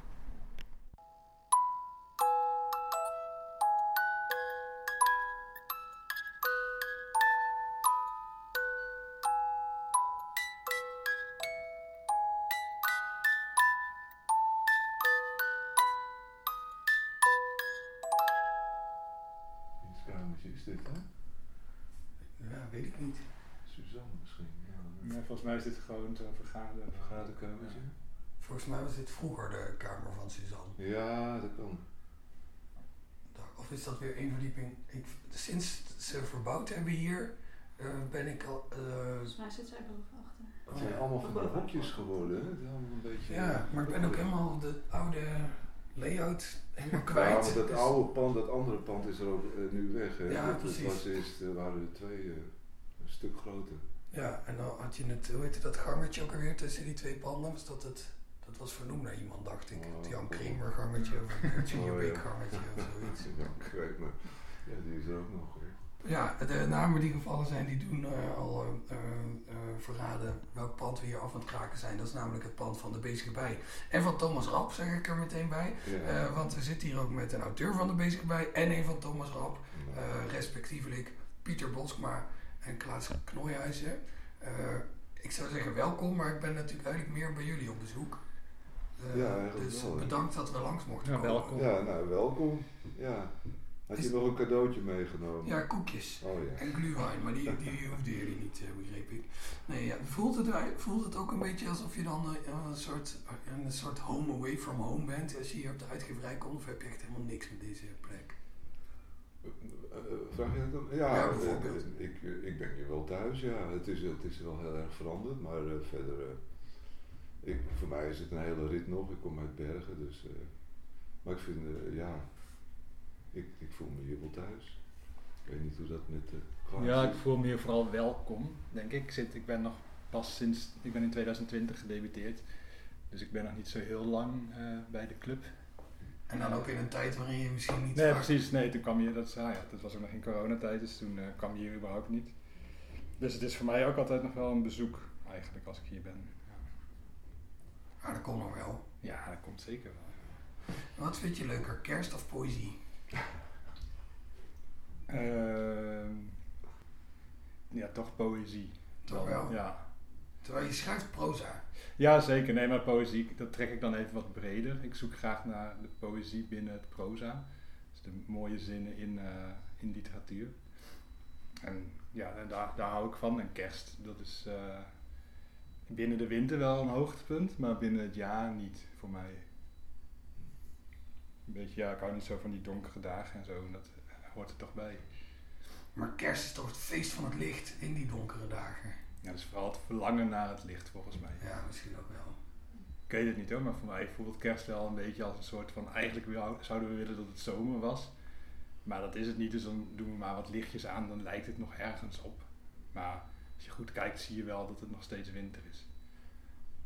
Ja, dat is waar. Je kan wel, je kan wel proberen, maar eh, Ja. ondertussen is er een heel irritant piepje op de achter. Ik denk dat Francine vaatwasser uit moet ruimen of zoiets. Dat, eh, Zal ik even gaan kijken? Eh, nee, laat maar gaan joh. Buiten. Volgens mij zit er zo'n pietreuk. Oh, Wat is het? Of een brandweer. Brood ja, dat zou ook wezen. Toch weer de kou. Even een sigaartje opsteken. eh. ja, heerlijk. Pieter, ben jij kerstliefhebber eigenlijk? Of heb je een Jawel, kerst? ja, van, eh, eh, als kind vond ik het geweldig en, en, en die echo daarvan die dreunt eh, blijkbaar je hele leven door. Ik heb wel een zwak voor kerst, kerstboom. En vooral dat licht, hè. Ik vind dat, ik vind dat eh, licht is wel heel mooi in de winter. Eh, vooral een uur drie, vooral als je uit bij de kust woont. Die eh, kleuren die zijn echt fantastisch. Hè? Die is bijna bruin, rood. eh, dat groeit altijd zo geweldig. En eh, dan, dan moet ik altijd weer aan, die, aan de 17e eeuw denken. Al die 17e eeuwse landschappen, zelfs die zomerlandschappen, werden heel vaak in de winter geschilderd omdat het licht zo mooi is. En dat vind ik nu nog steeds, om drie uur dat het dan al begint te schemeren en zo. Geweldig, ja. Ja, het lijkt me aan zee ook wel echt des te spectaculairder nog Het hier. is geweldig. het is echt geweldig. Ik kan het iedereen aanraden om eh, niet verder dan eh, vijf kilometer van zee te wonen. Ja. Maar goed, als ik met het mes op de keel zou moeten kiezen tussen kerst en poëzie, dan eh, zou ik zeggen gelijkspel. Kijk, nou ja, dat is natuurlijk een mooie uitslag voor kerst en voor poëzie. ja, toch. Het is natuurlijk ook, zal ik nog maar een keer herhalen, een co- compleet bezopen vraag. Eh, Ja, dat is natuurlijk een idiote vraag. Ja. Eh, eh, volstrekt onvergelijkbare fenomenen. Maar, nou, we zijn eruit. Hè? Ja, precies. Nou, kijk, ik kan die vraag ook naar de jachtvelden eh, verbannen worden. Heb je wel eens geschreven over kerst eigenlijk? Jazeker. Zelfportret met kerstgedachten in, in die bundel zelf van mij. Er staan een paar gedichten die rond kerst spelen of, of waar, ja, waar kerst in voorkomt. Ja. Maar eh, nou, niet op een hele vrolijke manier, maar eh, ja, het, het komt wel eens voorbij fietsen in een gedicht, ja. Terwijl je toch zo'n zelfverklaard kerstliefhebber bent. Ja, nou, ik, het- ik heb er ook wel eens eh, aan gerefereerd. Aan Ja, maar je zegt het niet op een vrolijke manier. Dus het zijn geen Nou, gezellige kerstgedichten voorbij het haardvuur. Ik herinner me één gedicht dat, dat, dat de ik-figuur dan over straat loopt in een dorp. Dat is niet het dorp waar ik nu woon. En dat, is een heel een- zeer eenzaam zelfportret, heet dat ook. Ja, schiet me nu te binnen. Dus dat geeft al aan dat dat niet een eh, heel vrolijk gedicht is. Zeker niet op kerst natuurlijk. Als je dan als het over eenzaamheid gaat, wat eh, toen voor mij gold in een eh, beroerde periode. Dan is kerst wel een, een- een vrij vrij kloterige periode natuurlijk. Als je over straat loopt door de versgevallen sneeuw, dat is dan nog wel weer leuk. Maar alleen en je kijkt naar binnen en overal zijn eh, uitgebreide familiefeesten gaande. Dat hoor je toch ook vaak, dat eh, mensen erg eenzaam zijn met kerst en zo. Dat is dan wel weer de keerzijde van zo'n ja, zo'n warm familiefeest.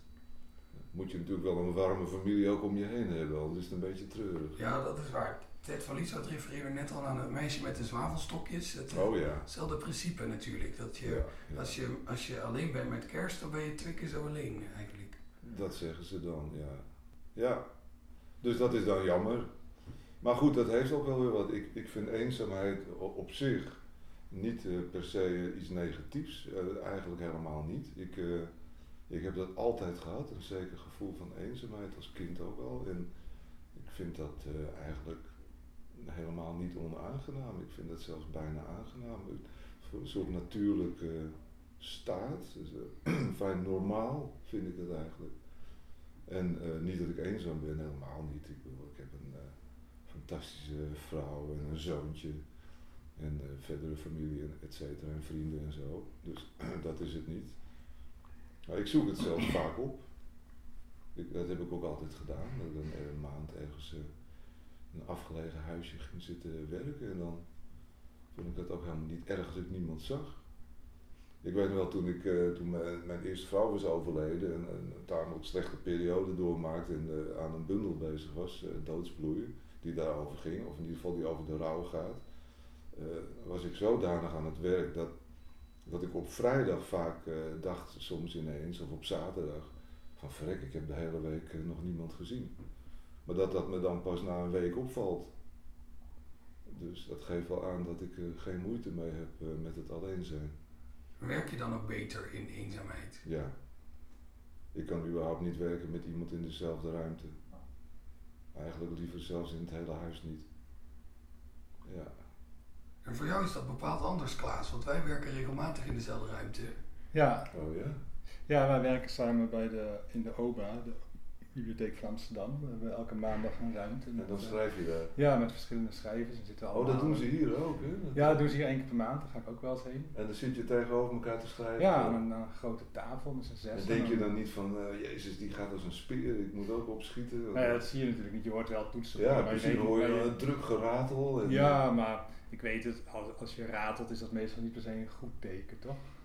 Ja, het hangt schrijven. Ja, het ligt eraan, achter, ligt eraan in welke fase je zit van het Als je op schrijfproces. golven van inspiratie opeens eh, Ja, dat- voorwaarts eh, stuift. Ja. Dat, eh, ja, ik schrijf meestal wel zo, dus ratelend. En dan ga ik daarna eh, weken, weken lang. weg, nou, ja. dan ga ik wekenlang, zeg maar, dat geratel ga ik dan zo heel langzaam eh eh, boetseren. ja, Dus dat tuurlijk, hoor je dan tuurlijk, niet. tuurlijk, dat snap ik. Dus je ziet eigenlijk niet echt hoe goed andere schrijvers bezig zijn. En, eh, Maar leidt dat dan niet af als je...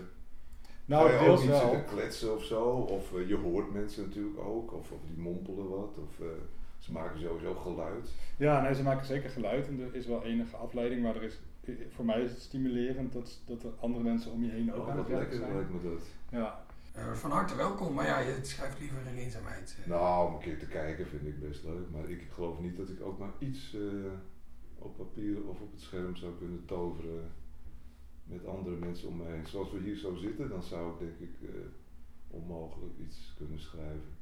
Vroeger deed ik het nog wel eens in een eh cafeetje of zo. Op de een of andere manier eh, lukte dat dan wel. Dat, dat is wel gek. Maar ja, als er een beetje geroezemoes is of zo, een soort gelijkmatig geluid, dat, of wat verkeer wat voorbij komt of zo. Dat, als het maar gelijkmatig is, dan vind ik het nog wel gaan. In een café daar kan ik nou weer absoluut niet werken. Nee, ik, Veel te veel afleiding. ik kom sowieso helemaal niet meer in een café. Eh, ik moet er niet aan denken. Sinds mijn kroegbaas hier van de Zwart ook in Bergen woont, eh, is het wel volgens mij helemaal gedaan. eh. Komen jullie wel eens in de Zwart nog? Ja, ja, ja. Hoe is het daar? Hartstikke gezellig. Ja, nog steeds. ja? Jawel hoor. Goh, ja, ik ben er in geen tijden geweest. Dat was wel echt een leuk café. Toen eh de Toet Literair Amsterdam eh, daar eh, aan de bar Ja, is kleefde. alweer een tijd geleden hoor. Zoveel doden verder, hè? Ja. Ja, god, ik zat er altijd eh, met eh, allemaal dierbare doden. Hè, die nu dood zijn. Dus ja, het is ook niet echt een stimulans om er weer naartoe te gaan. Maar ik mis het wel, af en toe. Ik denk ook wel dat ik Amsterdam heel erg mis, hoewel ik al 15 jaar weg ben. Maar elke keer als ik dan weer kom, zoals nu, dan denk ik, ja, het is, dat, het is net of ik hier nog woon. Dat blijft blijkbaar op, op een gegeven moment, als je hier lang genoeg gewoond hebt, blijft je stad. Het verandert ook niks, ik, het is nog precies hetzelfde. Behalve dan die eh, ellendige toeristen natuurlijk. Ik weet niet hoe het nu is inmiddels. Ja, is het was een tijdje rustig en nu is het weer druk. Ja, nee, het heeft wel echt een Als het allemaal poëzieliefhebbers zijn, dan zijn ze welkom natuurlijk. De, de bundels vliegen de winkels uit. Ja, dat valt tegen geloof ik. Ja, maar eh, ze zijn nu wel bezig om dat een beetje aan te pakken. Want ze hebben natuurlijk heel lang eh, heel veel ruimte gegeven aan hotels. En elk pand wat verkocht wordt, werd, er mocht dan een hotel in zitten, want dat was goed voor de economie en zo. Ja. En daar zijn ze nu wel op teruggekomen, eh, Ja. de gemeente. En nu proberen ze juist om al die, nou ja, die, die kotstoeristen, zeg maar, om die een Ja. beetje te weren. En om Ja. juist meer poëzieliefhebbers, om ze zo maar te noemen, naar Amsterdam te trekken. actief beleid van Ja, de nou, dat is wel serieus. For all beleid, you ja. poetry lovers. ja. Veel Amerikanen zullen er dan ook komen. Ook echte poëzieliefhebbers. Het is natuurlijk ook een heel poëtisch land. Ja, Zeker. Nou, nou, die Amerikanen, dat, eh, dat valt ook wel tegen. Wat daar, eh, ik, wat was dat nou, een paar jaar terug, dan eh, was er ook iets met, met dichters. En er waren een paar uit Canada. Waren er ook bij, weet ik nog wel. En toen hadden we het over, eh, je denkt dan toch een groot land, wel relatief. Niet een enorme bevolking, maar het is toch een beetje Noord-Amerika, Engels. Engelse taal natuurlijk sowieso. Dus ik dacht, nou hier, eh, wat, wat zal hier de gemiddelde oplage zijn? Nou hier bij de bij is het geloof ik duizend voor een eh, dichtbundel, maar bij andere uitgevers is het volgens mij nog wel minder, 600, 700 misschien. En toen hadden we het daarover, ik zei ja bij ons is het maar eh, 500, 600 hè, die oplagen. Ze, ja zei hij, bij ons ook. Precies hetzelfde. Maar dat doen wij zo slecht nog niet. Nee, helemaal niet. Plus die, die poëziekritiek, wat nu ook wel echt sterk afneemt in de, in, de, in de dagbladen hoor. Toen ik begon, sprak opa, dat is natuurlijk lang geleden, in 87 debuteerde ik, maar toen kreeg je gewoon echt stukken in, in niet alleen alle kranten, maar ook in HP en eh, Vrij Nederland. Dus je, je had een stuk of zeven recensies sowieso, weet je wel. En, en plus dan nog alle regionale pers en plus nog literaire bladen. Dus je had echt een, een, oogst van, van stukken. En eh, dat bleef ook best lang zo. En ehm, in 2010 verscheen dus die bundel Doodsbloei van mij, dus dat is nog niet zo heel lang geleden. En Menno, Menno Wigman, waar ik eh, bevriend mee was, die zei toen al van god, wat, eh, wat neemt dat af, hè, die stukken in de krant en zo. Maar dat doodsbloei dat ging over de rouw en over de dood en dit en dat. En, dus dat kreeg heel veel aandacht. Dus ik, ik merkte dat toen niet zo. Ik merkte het helemaal niet eigenlijk. Integendeel, die bundel deed heel goed. Nou, die bundel daarna, twee jaar later, eh, die kreeg een prijs. Dus dat ging ook goed. Die bundel daarna werd weer genomineerd voor de VSB-prijs. Eh, Dus dan zijn we inmiddels in 2014. En die bundel met zelfportretten verkocht ook goed. Dus ik, eh, ik dacht van, nou, eh, het valt wel mee, weet je wel. En toen ineens, die bundel daarna, toen eh, was er een bang. Ik denk, wat? 400, 500 nog maar, wat krijgen we nou? En, en nog maar twee, drie stukken. En ja, toen merkte ik toch wel vanaf, eh, ja, een jaar zes, zeven geleden dus. En eh, dat bleef ook zo inderdaad. Toen dacht ik, oh, oké, dit is inderdaad het niveau waarop we zitten. En Menno, die, eh, die had dat toen al in de gaten blijkbaar. Hoewel die ook best wel goed verkocht en ook best veel aandacht kreeg natuurlijk. Maar die volgde dat allemaal heel goed, dus die, die zag dat gebeuren.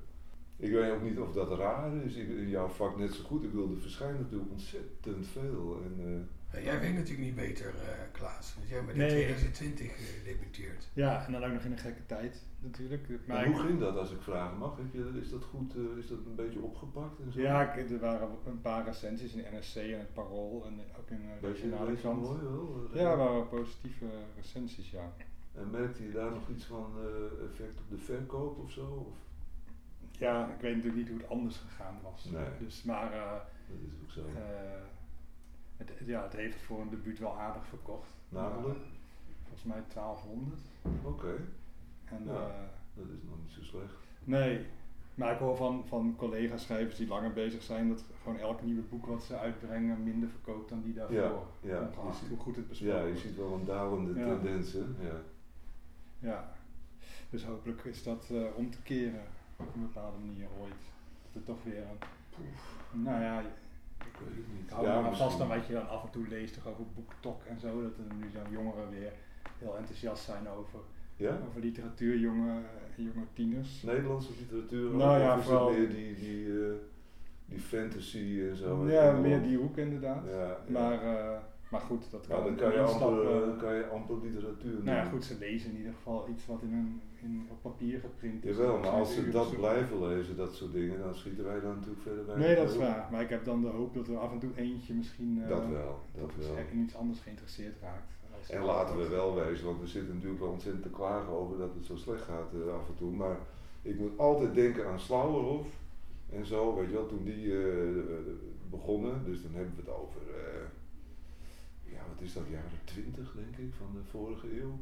Dat uh, Slauerhof debuteerde, dat zou rond 1920 geweest zijn.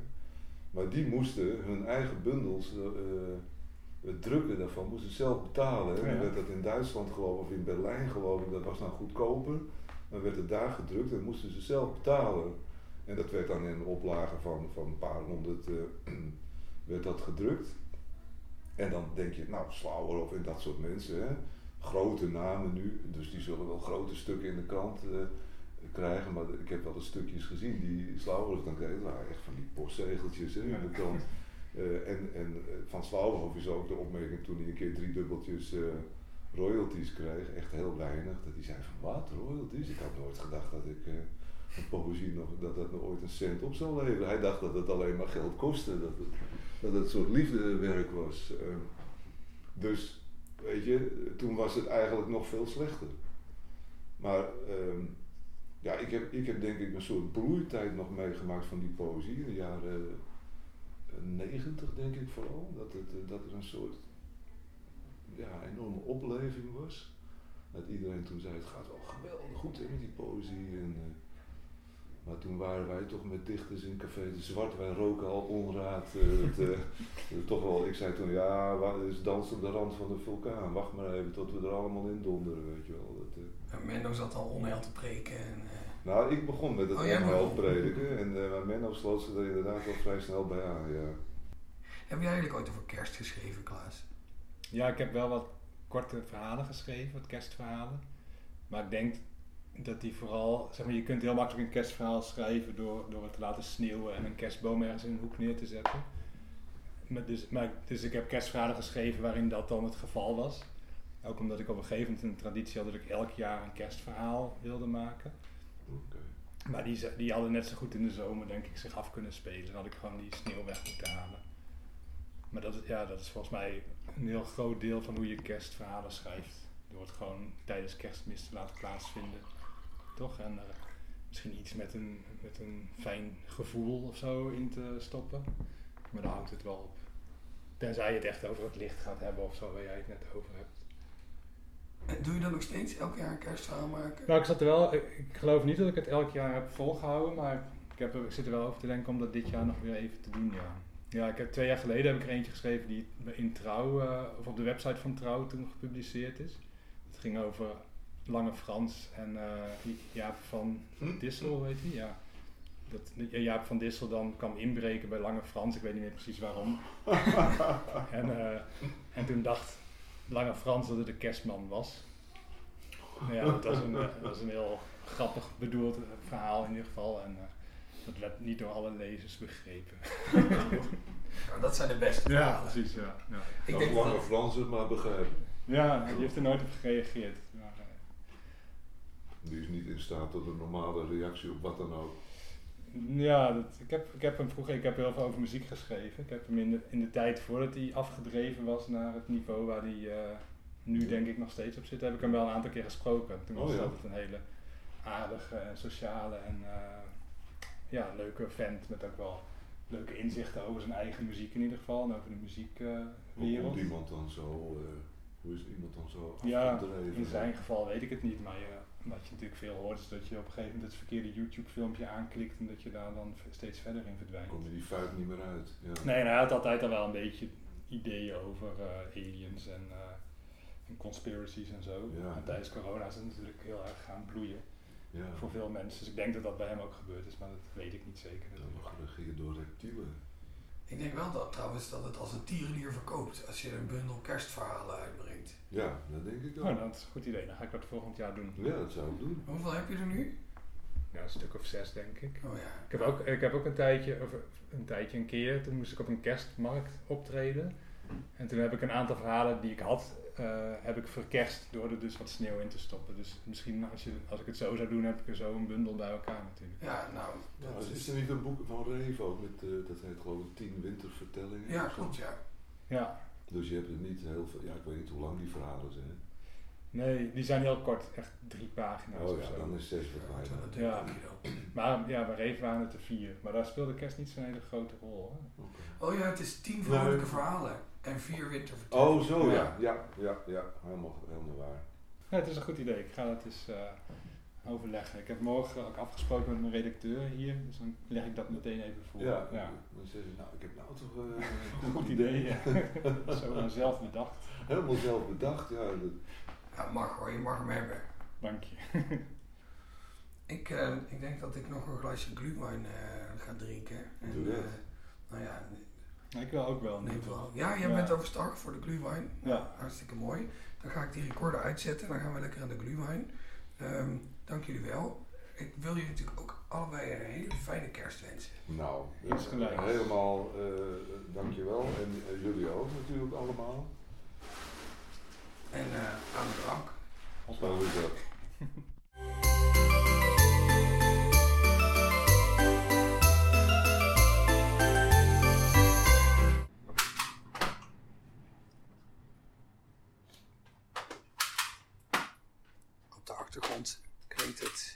zoetgevoiste geluid van een prijstang. Daar staat Esther Lutgendorf, capo di tutti capi van platenzaak Velvet in Amsterdam, cd's te prijzen. En hier, gezellig rond het knisperende kaarsvuur, zitten wij. En wij, dat zijn de, de jullie inmiddels vertrouwde reizigers door, door Kerstland. Als mede Nicole Kaandorp en kerstspecial veteraan Joost Ome. Eh, dank jullie wel dat we hier langs mochten komen in niet jullie platenzaak. Graag gedaan. Dankjewel Esther dat we langs mochten komen in wel jouw platenzaak. Graag gedaan. Nicole, wa- wat vind je leuker, kerst of poëzie? Poëzie. Ja, Ja, waarom? kerst is zo tijdelijk. En eh ja, nou ja, dat, ja, oké. Kijk, misschien, misschien drie dagen per jaar dat ik voor kerst kies. Wordt gebeld ondertussen. Gaan we even afwijzen. en ook stilzetten.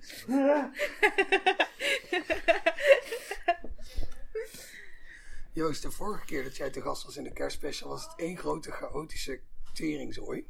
Ja, klopt. En nu weer. Ja, Wat, wat doet dat met jouw indruk over deze, de professionaliteit van deze podcast? eh, dat komt dat niet ten goede.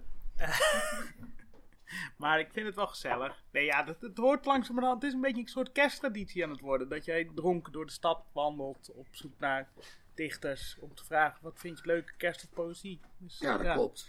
Langzamerhand versmelt dat ook een beetje met, met elkaar, poëzie en kerst. Ja, ja dus dan is de, het antwoord op de vraag wat is leuker, poëzie of kerst, is hoezo poëzie Ja. of kerst? poëzie is kerst. Ja. En kerst is poëzie. Het volk is Jan Kramer, Jan Kramer is het volk. Precies. Kerst is poëzie, poëzie is kerst. Ja. Ja. Ja.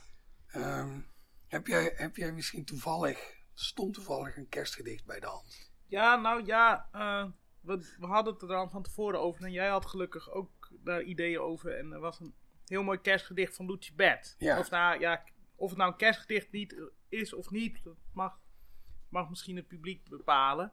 Maar het is in ieder geval met een kerststal erin. Dus eigenlijk is het wel een kerstgedicht. Per definitie zou ik zeggen. Ja, ja, nou ja.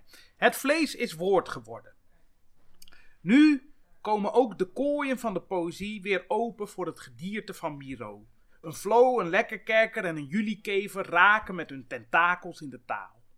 O, droomkadaster gevoelig Vaticaan, nu dwalen de devoten veel in uw terrarium. En kikkerstar ademend op avondmis een aira's lang. Duister als bankgebouwen, onder het onweerlucht, ruisend van inflatiegerucht. Maar s'nachts ontwaken de kanonnen hunner tongen en kwakend gaan de granaten van hun kreten over het ijskoude woud. Kinderen op hun ogen koud en schamel hurken om de stulpen van hun lippen. Daar knettert het geraamte van de kerststal al. Er is een heiland in met door zijn lijf vijf kogeltrechters voor een nagelval. De tranen van de dood. De maden van kristal. Leuk hè? Ja, je krijgt het helemaal warm van de, van de jolige kerstgedachten in dit gedicht. Ja, ik vind het altijd heel leuk dat, dat, dat, dat, dat Lucibert dat een soort schansjes maakt in zijn poëzie. Het is allemaal... En met kerstmis worden dat een soort skischans springen. Dat is echt leuk. Ja, lijkt me heel leuk om een keer Lucibert voor te dragen na, naast die wedstrijd met schansen op 1 januari. Oh ja, dat klinkt als een heel goed evenement.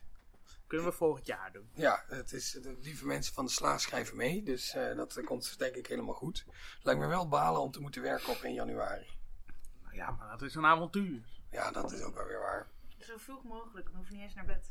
Ja, Oh ja, Ja. dat kan ook. Dus, je- ja, maar je bent een beetje gebonden aan hoe laat ze in Garmisch-Partenkirchen met schansspringen eh, beginnen. Uh, we doen wel het voorprogramma.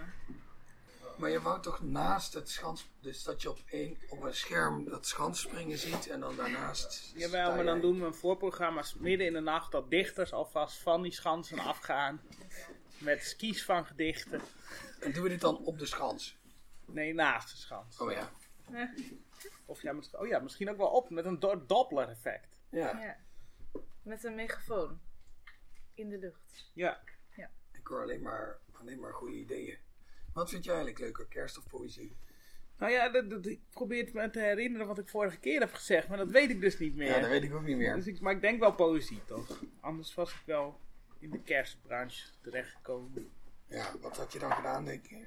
Mm, eh, nou, ik vind het heel leuk om op een podium te staan, dus ik denk dan dat ik kerstman had gespeeld. Of Oh ja. kerstelf, ik weet niet hoe dat gaat.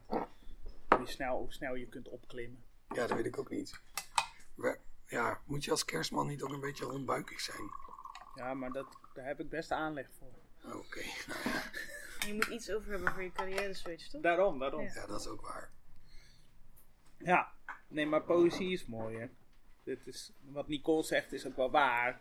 Kerst is natuurlijk even heel massaal aanwezig voor een, voor een paar dagen. En poëzie is altijd aanwezig, maar dan heel el, want niemand is geïnteresseerd. Dus dat is veel spannender. Maar het fijne aan kerst is dat het vervelende en goede kanten heeft. Die zo precies tegelijk samen. En ik, ik weet ik zo niet weten hoe je dat moet doseren. Het mooie aan kerst is dat allemaal alles tegelijk in die drie dagen gepropt een beetje zo. Ik denk ook dat je het wel goed hebt hoor. Dat, kijk, de, de- kerst, kerst is leuk en poëzie is leuk. Maar kerst is alleen maar leuk omdat het er maar drie dagen of twee dagen is en een beetje. En, en eh, als het inderdaad, als je dat gedachte-experiment doet, als het de hele tijd er zou zijn, dan is het niet meer leuk. Terwijl poëzie is er de hele tijd en het is leuk. Dus Ja. poëzie heeft gewonnen. Kijk, nou, zijn we daar ook, eh, Hoera! zijn we daar ook over uit. Heb je zelf eigenlijk ooit een kerstgedicht geschreven, Joost? Mm, nee. Waarom niet? Nou, omdat ik ben. Wij deden gewoon nooit zo heel veel met kerst. Ik kom uit het hoge noorden, dus dat, dat, ja, daar heb je niet zo dat idee van, van kerst. Dat doen jullie niet aan. Nee, we, in Friesland onthoofden we katholieken. Dus eh, dat, eh, ja, dat was gewoon niet zo'n ding. En ik moet dan wel altijd met, met Sinterklaas gedichten schrijven. Dus dan, eh, dan, dan houdt het op. En toen ik later zelf voor mezelf ging schrijven, ja, weet ik veel. Dan ga je niet. Nee, ik heb nog nooit een kerstgedicht geschreven. Nee, nou, dat kan je misschien een keer doen. Ja, dat kan. Maar, ik heb, heb- ja, maar tijdens kerst heb ik vrij. Dus dan. Maar je hoeft het ook niet tijdens kerst te schrijven. Je kan ook in juli. Al die kerstliedjes, die moeten ook Ja, in dat juli is waar. Ik heb wel vaak geprobeerd een kerstlied te schrijven. Dat heb ik ook wel gedaan. Oh kijk, en is Ja. dat ook wel eens gelukt? Ja, tijdens de coronacrisis heb ik een kerstlied over corona geschreven. En nu was ik dit jaar weer bezig met een kerstlied. Maar toen was ik een beetje te laat om samenwerking te zoeken met iemand die het wilde inzingen. Dus dat komt volgend jaar. Ja. En Nicole, heb jij wel eens over kerst geschreven? Nee. Nee, ik denk het gewoon niet. Maar ik ben met kerst normaal gesproken meestal in Hongarije, waar een groot deel van mijn familie woont. Eh, en daar is, daar is geen Nederlands in mijn hoofd. En ik kan niet schrijven in het Hongaars. Dus ik zou er tijdens kerst zou ik er niet op komen, denk ik.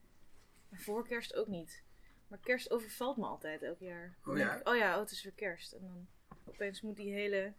Dus ik ben nooit zo in de... eh, Ja, om er ook nog over te schrijven. Hoe is kerst in Hongarije eigenlijk? Goed, prima. Een beetje hetzelfde, denk ik. Hoewel ik dus niet zo goed een beeld heb van kerst in Nederland. Maar er is een boom. En er wordt met een belletje gerinkeld. En ehm, Net als hier.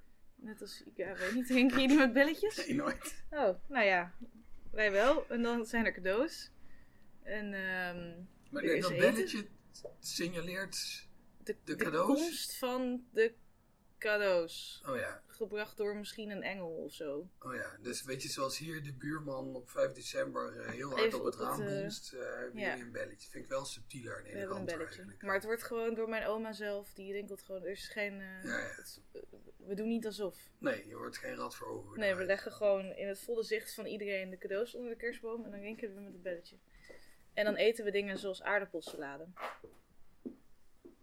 Ja. En daar drinken we dan van die rode wijn bij, die een beetje zo trekt aan je gehemelte. En dan met die aardappelsalade, dat gaat heel goed samen. Lekker. Klinkt als een prima kerst. Ik heb een keer kerst in de tropen gevierd. Dat was ook leuk. Welke tropen waren dit? De tropen van Guatemala waren dat. En een paar jaar daarvoor in de tropen van Honduras. Toen zag ik een eh, schildpad tijdens kerst. Dat vond ik erg bijzonder. Ja. Ja, en een op, omgekeerde kerstboom die groeide. Dat was een tropische boom en die had toevallig een punt die zo naar beneden groeide. En eh, die was versierd, die punt. Dat is ook erg mooi. En Verlies Navidad werd 40 miljoen keer per dag gewijd. Ja, wel weinig poëzie. Hoe vier jij kerst? Ja, ik ben dol op kerst. Ik vind het... eh, eh, ja, kerst is, is elk jaar hetzelfde bij mijn ouders. En dat bevalt me heel erg.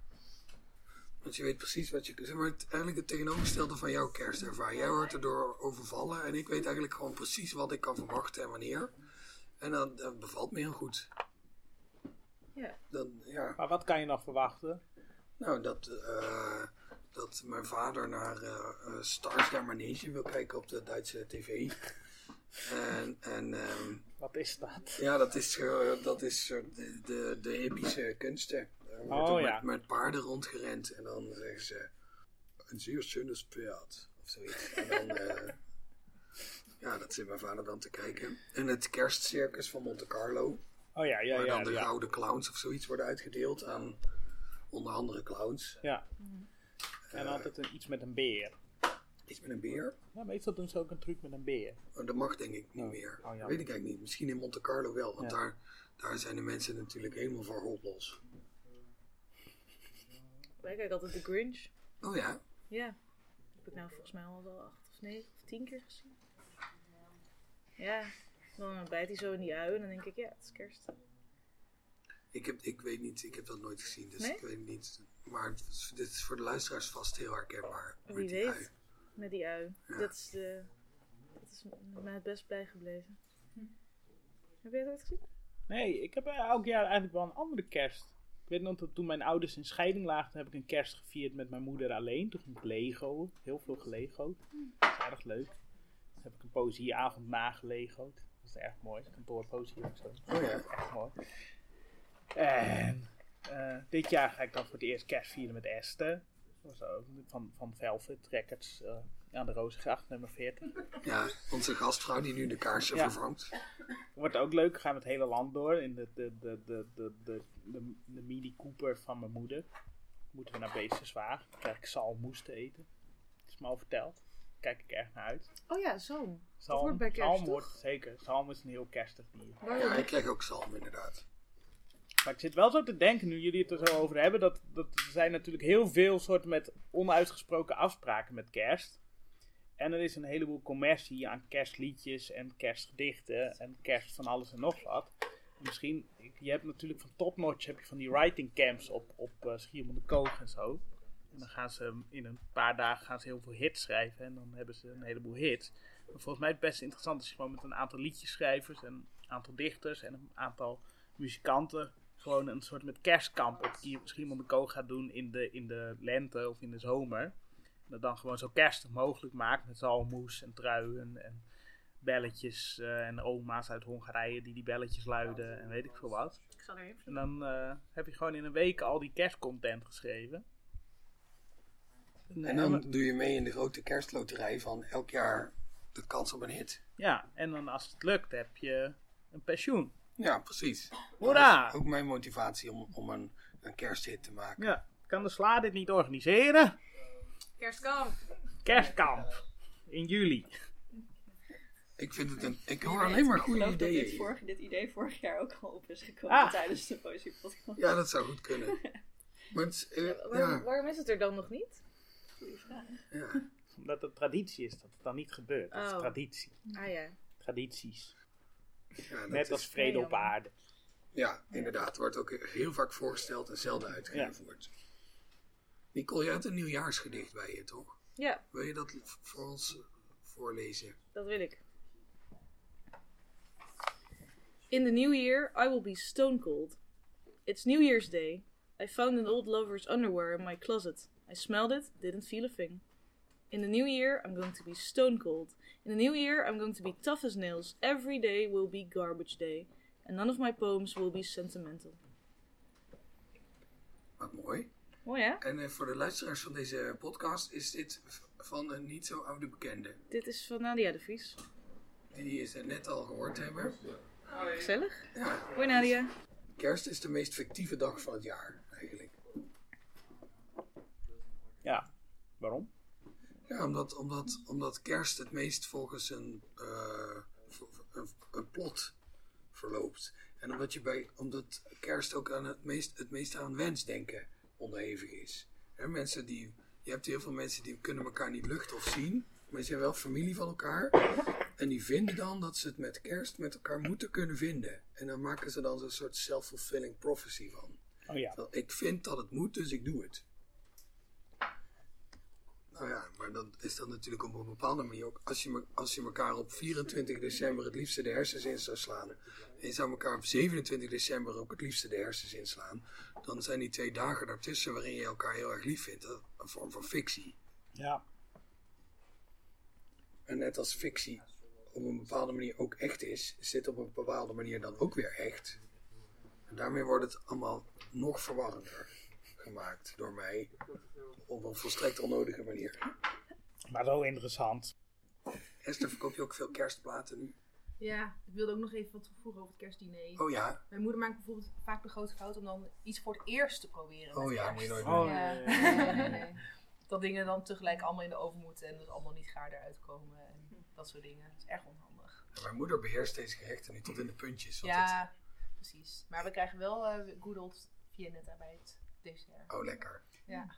Weet je wat ik ook altijd een fantastische kersttraditie vond? Maar dat, dat doe je zo als je net bent gaan studeren, maar dus nog wel naar, naar huis gaat om kerst te vieren en zo. Dat je dan nog op kerstavond of na het kerstdiner nog zo de kroeg of zelfs de discotheek ingaat met vrienden van thuis. Die je dan misschien al een jaar niet hebt gezien. Oh ja. En dan zit je zo zwijgend aan een tafel in een discotheek, want je kunt elkaar net niet verstaan. Dat is zo ontroerend. Met kerst. Ja, Ik heb dat een paar keer gedaan. En dat je zo merkt dat iedereen zo echt een beetje het zo aan het uitvliegen is, volstrekt verkeerde kant op. En dan, ja, dan vraag je, hoe gaat het nu op de studie geneeskunde? En dan krijg je een antwoord en dat versta je dan niet. Oh ja, want je bent in een discotheek. Ja, Ja. dat is leuk. God, wat een pijloze eh, narigheid. Ja, maar ja, de, Fries- de, de- de kerst in Friesland is ook heel verdrietig. Maar ja, je moet een keer naar Limburg komen. Ja, maar Limburg is ook helemaal ingericht op kerst. Met die dennenbomen en heuveltjes en hobbits en weet ik veel wat. De- ja, Friesland niet. Dat is plat. Dat is ja, Ja, nou ja, daarom uitgestrekt. kom een keer naar Limburg met Ja, dat kerst. is goed. Dat vindt mijn moeder hartstikke leuk. Maakt ze gewoon iets meer konijn en zalmcocktail. En, eh, Mag ik dan ook de vos aaien? ze- nou ja, nee, dat mag ja. Vet. Ja, die kan je wel gewoon aaien inderdaad. Hoera! Ik vind kerst trouwens sowieso iets zieligs hebben. Ja, Ja, dat voelde ik net, maar ik kan het nog niet helemaal uitleggen. Hij heeft zeker iets veel mistroostigers dan Pasen. Pasen is zo'n Ja. opgewekt feest van we gaan even de schouders eronder en uh, hoppatee. Brunch, lekker Ja. vroeg op de dag. Het heeft sowieso inderdaad zo'n ochtendvibe. Ja. Ja. Terwijl die met, Met Pasen doodgemaakt worden en met kerst geboren. Ja, maar, ja, maar toch met Ja. kerst is echt zo'n vibe van ik kan mijn ogen eigenlijk bijna niet meer openhouden, want ik heb te veel gedronken vibe. Ja, Ja, en je bent zo net, altijd. zo net niet met de mensen die je het liefst om je heen hebt. Of, of delen ervan wel, maar niet helemaal, weet je wel. Ja. Joost, heb jij niet nog een leuk wintergedicht van bijvoorbeeld Jan Elburg? Nou, toevallig heb ik dat hier voor mij liggen. Ehm, het gaat zo. Het heet Is. Nee, hoe winters woord. dat is niet twee- nee. Is. Ja, jij denkt aan ijs. Oh ja. Is winter is verlaten. Ik noem Dora de trouwhartige triestheid van het land. En Piet de priem van de vrieskou. Is waanzin van een jongen zonder lief. Is melancholie van een man zonder kinderen. Namen om er één niet uit te spreken. Is winter is ver. Twee vleugels aan eenzelfde vlinder waren wij. Is blond als een blonde maan. Blond als een verlicht raam. Mooi hè? Ja, heel mooi. Ja. Namen om er één niet uit te spreken. Is ook- Dat, ja. dat is ook wel het verdrietige van kerst. Ja. Ja, en met dat verlichte raam heeft Ja. ook wel Ja. een soort meisje met de zwavelstokjes. eh, Het impliceert dat je buiten staat. ja, en binnen is het, is het gezellig. Binnen zit eh, de- Tiny Tim met zijn familie aan de, aan de kerstkalkoen niet aan, aan polio te sterven. En jij bent dood. Wat is dat van? Christmas Carol. Oh. dat is mij niet bekend. Nee. Maar het klinkt wel mooi. Oh nee. Tiny Tim is dan juist dood, geloof ik. Ja. Want het berg voor Tiny Tim. Polio. Ja. Dat is wel... Ja. Het is ook wel fijn dat de polio er niet meer is. Mhm. Ja, dat draagt wel bij aan het kerstgevoel. Kerstplaat. Kerstplaat. A Christmas Gift for, for You. From Phil Spector. Die eh, wordt nu thuis ook aan de lopende band gedraaid. De bekende moordenaar. Ja, dat zei Ja, ik ook. zeker. Nou, Joost vond het dus een heel, heel leuke plaat. Totdat hij hoorde dat het van Phil Spector was. Toen ineens werd het een stuk minder leuk. Terwijl de muziek toch echt hetzelfde bleef. En hier Maar- had hij nog niemand vermoord, toch? Nee, dat klopt. Dus. En het is wel echt de typische Phil Spector sound. De Wolf sound. Dus eh, het, zijn alle, het is in de jaren 60 uitgebracht. Dus met de Ronettes en de Crystals. Darlene Love. Nou ja, het is echt een klassieke kerstplaat. Ik las net, toen ik even snel ging inlezen, dat hij dus is uitgebracht op 22 november 1963.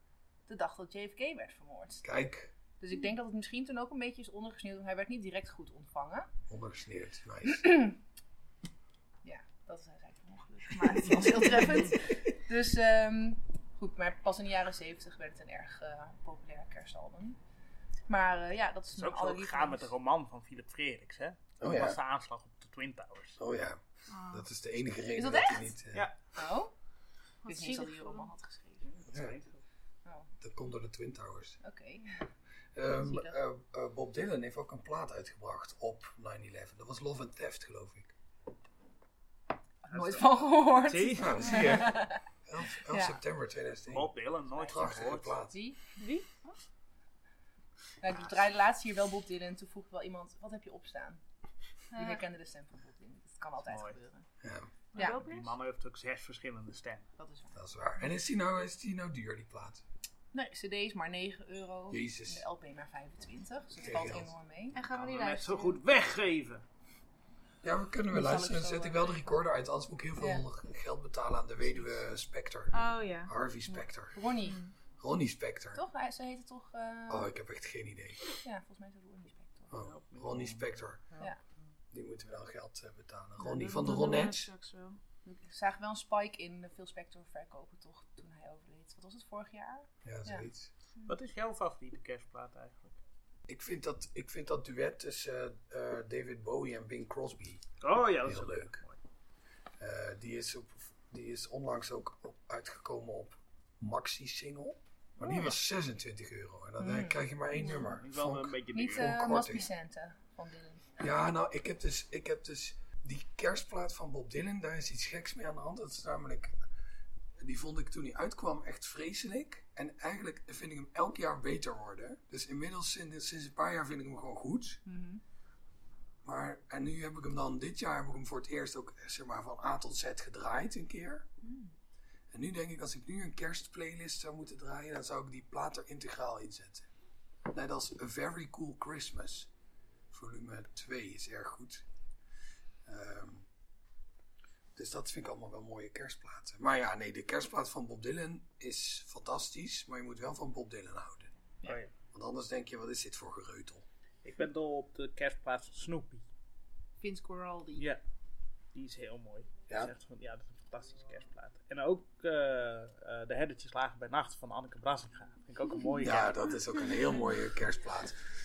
Eh, ja, die is, ja, die is prachtig. Maar ja, die, staat, eh, die zou eigenlijk op vinyl uitgebracht Ja. moeten worden, vind ik. Ken je dat? Nee. Dan zingt Anneke Brassinga, een soort twijfelend in de poëziepodcast van ene Daan Doesborg. Ah, Vorig juist. jaar sinds eh, De Herdertjes lagen bij nacht. Is heel breekbaar. Het is erg mooi. Ja, aanvankelijk twijfelend. Maar Ja, daarna uit volle op een borst. gegeven moment komt er toch een zekere vastberadenheid Ja. in. En dat strijkkwartet?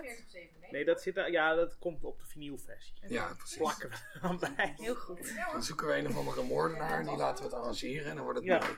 Oh ja. Hoera! Ja. Wall Sound. Nou, dit lijkt me een mooie kerstgedachte om mee af te sluiten. Ehm, lieve, lieve luisteraars, kerstspecial 2022 vanuit eh, de fantastische platenzaak Velvet aan de Rozengracht nummer 40. 40 te Amsterdam wens ik jullie prachtige kerstdagen en ook een mooi nieuwjaar. Oh Joost, we hebben op de valreep nog een nieuwtje voor de luisteraars, toch?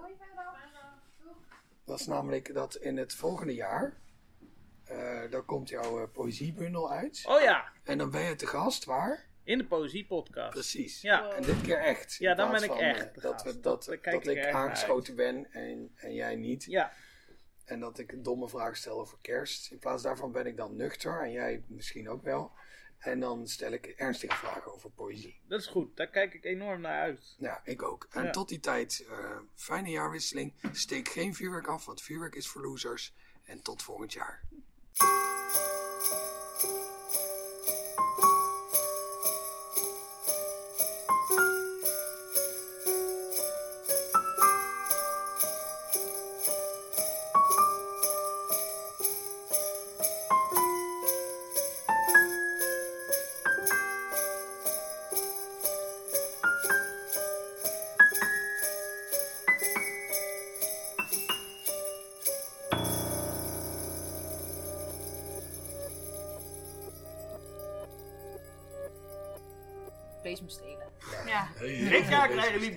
bezemstelen, En grote dozen. En zuurstokken. Eerst een schep. Ja, Een Swiffer.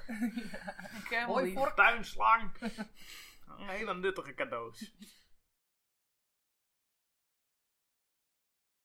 Oh, je bent al aan het opnemen. Jazeker. Even die opmerkingen even, Knippen we eh, eruit. knippen we er even uit.